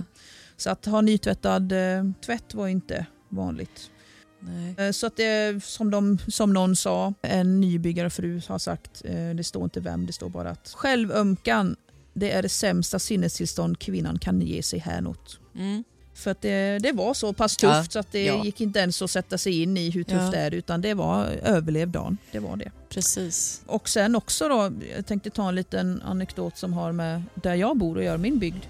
Ehm, Jag bor inte i vilda västern som sagt, jag bor i Småland. Och, ja, ehm, fast ni är god värd att skapa ett litet vilda västern där. Ja, precis. Nybyggarna i södra Kalifornien, där var det alltså då, alltså i vissa delar var ungefär 15% av nybyggarna, alltså nybyggarfruarna, de var ju ensamstående, ogifta eller änkor. Så de var alltså själva. Mm. Och eh, jag kom att tänka på då att en stuga vi har här i bygden eh, kallas för Morlottens stuga. Ja. Och den flyttades då, det är ju från min, mitt samhälle här, Släthult ungefär, till eh, Kalvenäs. Alltså det är som sagt små byar här. Det är ungefär, vad kan det vara, fyra kilometer emellan. Då alltså, så ville de ju flytta. Och då tog man inte och byggde ett nytt hus utan då tog man och plockade ner sitt hus. Och Ja, eh, flyttade virket. ja. Och sen så byggde man upp huset igen på exakt samma sätt. Bara. Alltså man Mm. tog ner virket och satte upp det. Bara det att hennes man blev ju väldigt, väldigt sjuk när de skulle göra detta. Så hon gjorde alltingen själv. Den stugan står fortfarande kvar och man kan gå sån lite rundtur runt i byn och höra hur hur det är med stugorna så. Men så den gjorde, och det var ju verkligen nybyggar, alltså var du, Ja, du fick göra det själv då. Och mannen, han var ju sjuk men han kunde ju sitta upp så att han satt och sydde hela dagarna. Fint. Så han Älskar det. sydde och då bar hon och byggde hus. Ja. Då bodde de i en liten jordkällare tills huset blev klart. Då. Och där satt han och sen så lagade hon maten och fixade och eh, då så på kvällen så sydde hon ju också och sen så Mm. kunde hon ju då sälja också deras Ja. alster. Då, så att, eh, men det är ju också, det var ju samma sak i, i västern bara att det kanske inte fanns skallerormar här hemma. Men eh, ja, men det, det där att man det var i... hårda, hårda livet. Och att man var i konstant arbete. Det där är också en grej jag kommer ihåg från när jag gick eh, textilutbildning. Det var uppe i Dalarna på en folkhögskola där det handlade ganska mycket om hemslöjd och olika traditionella tekniker där, man, där någon påpekar att nej men, en kvinnas händer var liksom aldrig stilla. Om man satt och vilade Nej. eller om man hade någon, någon lång resa, man gick. Eller om man inte åkte, åkte vagn så gick man ofta längs landsvägarna. Och då var händerna Mm. också i arbete. Gummorna kunde liksom gå och sticka på någonting medan man gick. Det funkar ju faktiskt. Eh, Precis, man att, eh, utnyttjade tiden till fullo. Ja, precis. det, om man ska då gå på det här nybyggar, hur ett kök såg ut. Då hade man kanske en gjutjärnskamin om man har tur och eh, en sån kan i östra USA så kostar det ungefär en sån 25 dollar. Ja. Inte så jättemycket men i andra delar och eh, en, alltså en del stater helt enkelt kunde det kosta upp till 200 dollar. Mm. Det är Så lite sagt frakt på det. alla som hade den. Men det man hade då, alltså det, du, var ju, du hade ett väl försett kök om du hade två kastruller, en stekpanna i gjutjärn och en kaffepanna. Ja. Då var du väl utrustad i ett kök. Så det säger ju en hel del vad de hade att jobba med. Ja. Och eh, dessa önskeboken då, eller postorderkatalogerna kunde ju få med kryddor så att du kunde ju utöka din matlagning en hel del. Men det var ju, ja, Och det där när det gäller matlagning är ju verkligen någonting jag tror både det du är och också jag en vill grej man kan gå in djupdyka. på. Men det gjorde ju grabbarna lite här. Ja, det har de gjort lite och när jag har träffat, jag har varit ute och rest och träffat diverse amerikanska studenter, alltså nu i nu levande amerikaner så har de ofta pratat om något som heter Dutch oven som är någon sorts gjutjärnsportabel eh, portabel liten ugn slash stekpanna. Jag har inte riktigt kläm på hur den ser ut men det verkar ju vara någonting, någonting i gjutjärn som man ofta har använt för att laga mat ute i fält. Och det kallas Dutch oven av någon anledning och den verkar vara ganska avgörande för hur man gjorde när man lagade mat när man inte hade ett hus eller man kanske var på resa eller i the chuck wagon Mm. och hur maten blev. Så att det där är verkligen någonting att eh, utforska djupare längre fram. Både du och jag Absolut. har ju fina västernkokböcker eh, som ska Ja. komma till användning. Och jag har eh, även en hel del jag har fått med som är jättesvårt att få tag på i Sverige men i USA där men jag har fått lite. Så det skulle man också kunna ha, alltså Ja. bara egentligen bara örter. Vad använder man örter till? Det var hur mycket som helst. Men jag tänkte avsluta med ett sista yrke här bara Ja. som jag tänkte fördjupa mig i lite. Lärarinna då. Antingen så var det ju prästerna som hade undervisningen eh, i kyrkan eller så var det kvinnor. Och då var det så här, var du kvinna och kom till en ny stad då så fick du jobba dig till genom att ja, men jag kan diska här eller jag kan sy det här och så får man pengar och sen så bygger man ett one school room. Alltså Ja, och det bestod precis. av ett eh, rum, inte så jättestort. Du kunde väl ha tre, fyra bänkar på raken. Eh, träbänkar och eh, en blackboard om du hade tur. Och eh, sen så var det två fönster och en dörr. Alla såg liksom likadana ut. Men eh, som kvinna då, vad tjänar du på att vara lärare gentemot ja, prästen? Eller det fanns ju manliga lärare också. Då. Männen tjänar ungefär 20-22 dollar och kvinnan 6-8 dollar. Mhm. Inte ens hälften. Nej. Och 1850 då började man med skola. Och det var ju en sång, säsongsbaserad skola. Så eh, skördning och odling gick alltid före läsa sig och skriva. Så att eh, på sommaren och våren då odlade man. Man skördade på våren och odlade och höll på och eh, fixade. Eller förlåt, man odlar på våren och skördar på sommaren. Och eh, rätt ordning. Och sen så eh, ja, på vinter och hösten då fick man lära sig att läsa och skriva. Då hade man i placeringen, ena sidan var det pojkar, andra sidan var det flickor. Och eh, de unga satt längst fram och de äldre längst bak. Och eh, det man fick göra det var att läsa, man fick stava, man fick lite historia och handstil och räkning. Det var det. Ja. Och det var ju svårt med material så att eh, om man hade en bok hemma, oftast var det Bibeln var den enda bok man hade. Hade man någon text fick man ta med sig den så fick man sitta och läsa i den eller skriva av den. Ja. Lärarinnan ibland så hade de, fixade de själva böcker så att de hade med sig så men det var inte alltid lärarinnan heller var så ekonomiskt Nej. eh, som kunde göra det. Så att det var lite som man fick göra. Och egentligen, om du jobbar som lärare, då fick du inte vara gift utan då skulle du ta hand om dina barn. Precis. Så det det var låter så ju här, en del, eh, alla lärare, det fanns ju naturligtvis gifta lärare men oftast var det ju tanken där. Ja. Och du fick ta med dig egen skollunch och det skulle kunna vara, alltså skolunch skulle kunna bestå av macka med bacon eller socker eller sirap sådär, något sånt. Eh, det kunde vara ett kokt ägg. Det kunde vara den här skeppsskorpa, alltså som är gjord på typ mjöl och salt. Lite vatten. Du har beef jerky, alltså torkat kött. Ja. Det kunde vara potatis, morötter, lök beroende på vilken årstid du har. Det kunde vara så att en del hade med sig en tillagad rätt faktiskt som man kunde äta så att det var inte bara det här. Oftast äpplen, nötter och bär. Och allt var ju beroende på säsong. Det skolan gav det var vatten. Skolan såg till så barnen fick vatten. Ja, mat, bara det kan jag i och för sig tänka själv. mig var en, en grej på den tiden. Rent vatten. Det var Ja. ingen självklarhet. Och just jag nämnde ju det här med blackboards. Ja. Ehm, Det var ju från 1880 så att det var ju liksom 30 år i skolan innan blackboarden kom. Mm. Och eh, läraren hade ju en egen bänk och eleverna hade sina. Eh, man kunde också, om man inte hade ett one school room så kanske man använde det som en Folkets husbyggnad eller liknande. Det här är taget från en eh, bok som heter Frontier Teachers Ja. som jag har läst om. Ehm, ja, men man kunde ha i Folkets hus så var det ju skola och där kunde man också ha resande läsare, de som åker runt och läser upp tidningen. Eh, Mm. Det finns ju filmer om det också. Som i Eh, News of the World. Det är också ganska fascinerande Ja, så yrke den, som va? säger en Ja. del om den tiden. Precis. Eh, och då, var det, då hade man ju skola i samma rum eller som samlings. Man kunde ha någon Mm. politisk debatt, teater, läsgrupper och så vidare. Ja. Och om eh, man gjorde sin mat och sådär eh, till eh, elever eller eleverna hade med sig. Om mjölet var dåligt då blandade man ofta ut det med rågsikt och sådär. Mm. Och man kan säga att eh, om man ska specificera lite mer när skolan var, oktober till maj, då var det skola måndag till lördag.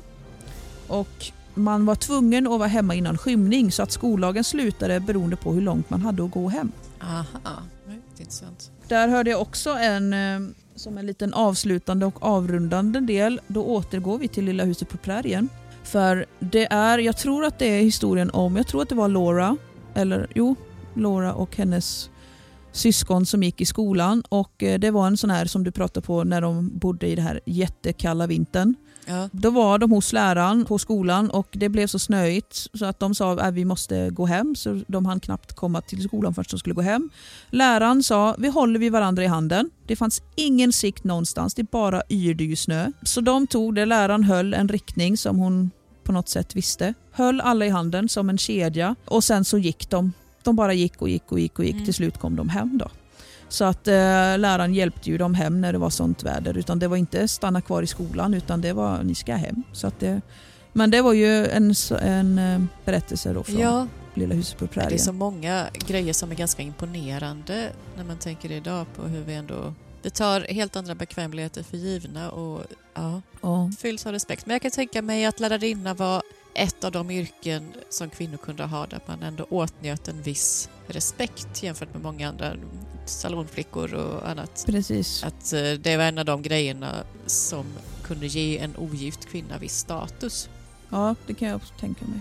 Ja, det är vad jag har för nu och eh, vad du har för nu tänker jag ja, kanske. precis. Vi måste Så att eh, det låter som att vi kommer ha några avsnitt framöver då vi hoppar in. Annars blir det ju Det majoriteten finns så- herrarna. Ja, så som det var. Så som det var. Men alltså, det- Naturligtvis, det så som det det- var. Då blir det historiskt korrekt podd. Men, men ju mer man skrapar desto, desto mer märker man att ja, men som sagt, det finns så många undantag. Eh, det finns så många Ja. intressanta människoöden som eh, inte är män, som inte är vita heller för den delen. Nej, som också har precis. varit en del av att forma västern och så som den har blivit. Mm. Ja, Och med de orden tänker vi inte avsluta med ett rungande jiha. Utan vi har ju vår egen, vårt eget intro som ni hörde i början.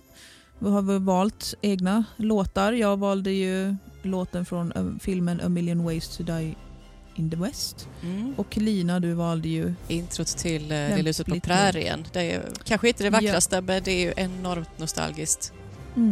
eh, Det har varit väldigt roligt Det har det varit. och eh, få köta med dig och Ja. diskutera lite. Och eh, med eh, naturligtvis, jag kan ha sagt något faktafel. Jag har försökt att läsa mig till i böcker och ja, om det... Vi är ju som sagt Äh, det är inte så noga. Jag i alla fall är the väldigt legend. under, lär, under lärdom. Ja, Jag, men det är jag vi är verkligen. med här för att lära mig. Precis. Så att detta är eh, som sagt med, eh, ber om ursäkt om det har blivit något faktafel. Och Ja. så. Eh, ska vi avsluta med våran lilla catchphrase? ja.